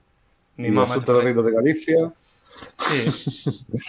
Sí, o decir, na batalla de na batalla de Cacheiras eh, gaña o exército galego expulsamos a É que hai varias moi atractivas Este é un, é un, xa. é un xénero fecundo ¿no? Estaba unha que me, creo que me comentabas ti da, do Duque de Lancaster ¿no? Que pasaría se se quedara sí, aquí de John de Gante, Duque de Lancaster Que ese chegou a ser el rei de Galicia Así como de usar ese pico Ata que ao final a peste diezmou o seu eh, exército E chegou a acordo co rei de, de Castela Mm. Por, eh, eh, si Yuki meter o penalti, que pasaría? Que pasaría si a, a Yuki? No, a Yuki que me importa, Alejo, si Alejo meter o penalti. Ese, era, esa era a trama dunha da nosa do, da Consellería do Tempo, que querían viaxar no tempo para que Alejo metera o penalti. Eh, e outra interesante que coment, creo que comentabas ti tamén era que pasaría se si Napoleón non perdese, no? E se si quedara aquí Tamén. Que é un campo fecundo, fecundo decimos ya Finin, que o tipo que que, que, que escribe, iba a decir peor, que non escribe no. peor que nos escriba unha ucronía. E que no, agora bueno. acordeime de que lin por aí, o que pasa que non lin o estudo en particular, uns tipos que alegaban que na Idade Media, que é un período moi longo, moi longo e moi escuro, moi escuro, que un traballador, o sea, un servo, eh, traballaba menos horas en promedio que un, que un traballador, pues, por exemplo, dun país civilizado como Estados Unidos. Traballaba menos horas. Tamén vivía 50 anos menos. Ah. e tamén bueno. na época así máis cavernícola, pois que a verdade é que a xente traballaba ben pouco. Sí, sí. Estaban maior parte do tempo dormindo e facendo outras cousas, comendo e reproducíndose. Eran y, uns grandes anos. E pasando a pipa. Pois ímonos despedir xa aquí e vamos a pedir a Fin, xa que falou pouco e o que menos falou, que nos diga as redes sociais que temos. Fin, Coméntanos ahí. Mm, tenemos un Twitter. Muy bien. Un gurrucho de podcast. No sé si le bajé H o no. No. Eh, una página web. A menos que nos secuestrasen el dominio. Esperemos que no. Gurrucho de podcast.com. uh -huh. .tk. Eh, luego, no sé, un Instagram por ahí. Mm, Camaño. Sí, que está un pouco abandonado, ¿no? Sí, abandonado, verdade. E logo temos un TikTok aí, pero non acaba de despegar. Está en proxecto. Como que temos un TikTok? Está en proxecto, Camaño tamén. sobre- Porque é o único que fai vídeos e fai cousas, así que está en proxecto. E temos un Twitch. Ese sí que está en proxecto. E este do que falábamos de Ese Noir... significa que temos que facer en directo, eh? Claro. Sabes? Non xa fixemos programas en directo, eh? Cuidado, que fixemos Un... Dous, dous, dous. Tarantino, dous. Tarantino e Triloxía do Dólar foron en directo. Eh, e logo este... temos un 20, pero en Ucronía. 20. sí, na nosa Ucronía, no noso mundo paralelo temos un 20, sí. Eh... Hostia, molaría. Ucronía sería 20 e que Facebook e Twitter non houvese. ves. Efectivamente. eh, non sei que iba a decir xa. Eh... Ah, a, acerca do, do Twitch, do Twitch que sí, que vamos a hacer en directo e vamos a falar de Galicia Noir en Twitch. Esto queda prometido. Ah, e que este ano cumplimos 5 anos en outubro. En outubro cumplimos 5 anos. Polo tanto, Joder, igual facemos o noso o noso programa 50 e pico para celebrar os 5 anos en directo tamén, eh? Ou que? Aquí hai cara Vale, como... pero nunha terra... pero nunha terraza dun bar, eh? sí, nunha terraza con público aí, eh? Uh, rucho. pois nada. Esa, esa, esa rizando rizo, unha especie de un, un late show para os cinco anos, un late show eh, Pode, tipo pode- Buena Fuente ou algo así. Sí, como o- entrevista. O o- auditorio de Cangas, poderíamos enchelo. O- En chelo, bueno, Hasta Eh, ahora con medidas COVID, con medidas COVID e menos xente, medidas COVID é máis fácil, e se pagamos a, se lle pagamos a xente tamén. Eu creo que teríamos que pagar para que viñera. Pois Pero- nada, eh, audiencias, xa sabedes, crowdfunding, eh, tiramos para adiante. Eh. Sí, coñecemos o director do auditorio de Cangas, así que temos, podemos aí mover ficha. Pero bueno, imos rematando aquí a ver si estas promesas quedan no aire ou se cumple algunha. Imos rematando este podcast sobre Watchmen. O seguinte non sabemos moi ben de que vai ser, se si vai haber en agosto ou non, porque agosto é un mes así de moita calor. Sigue como este suyo ou non, pero bueno, a ver. Dille a ese home que do Martino que é moi ben, que está clavando todo moi ben, está todo no sitio. E nada, rematamos o podcast. E ata a próxima. Chao. Chao. Chao. Saudiño.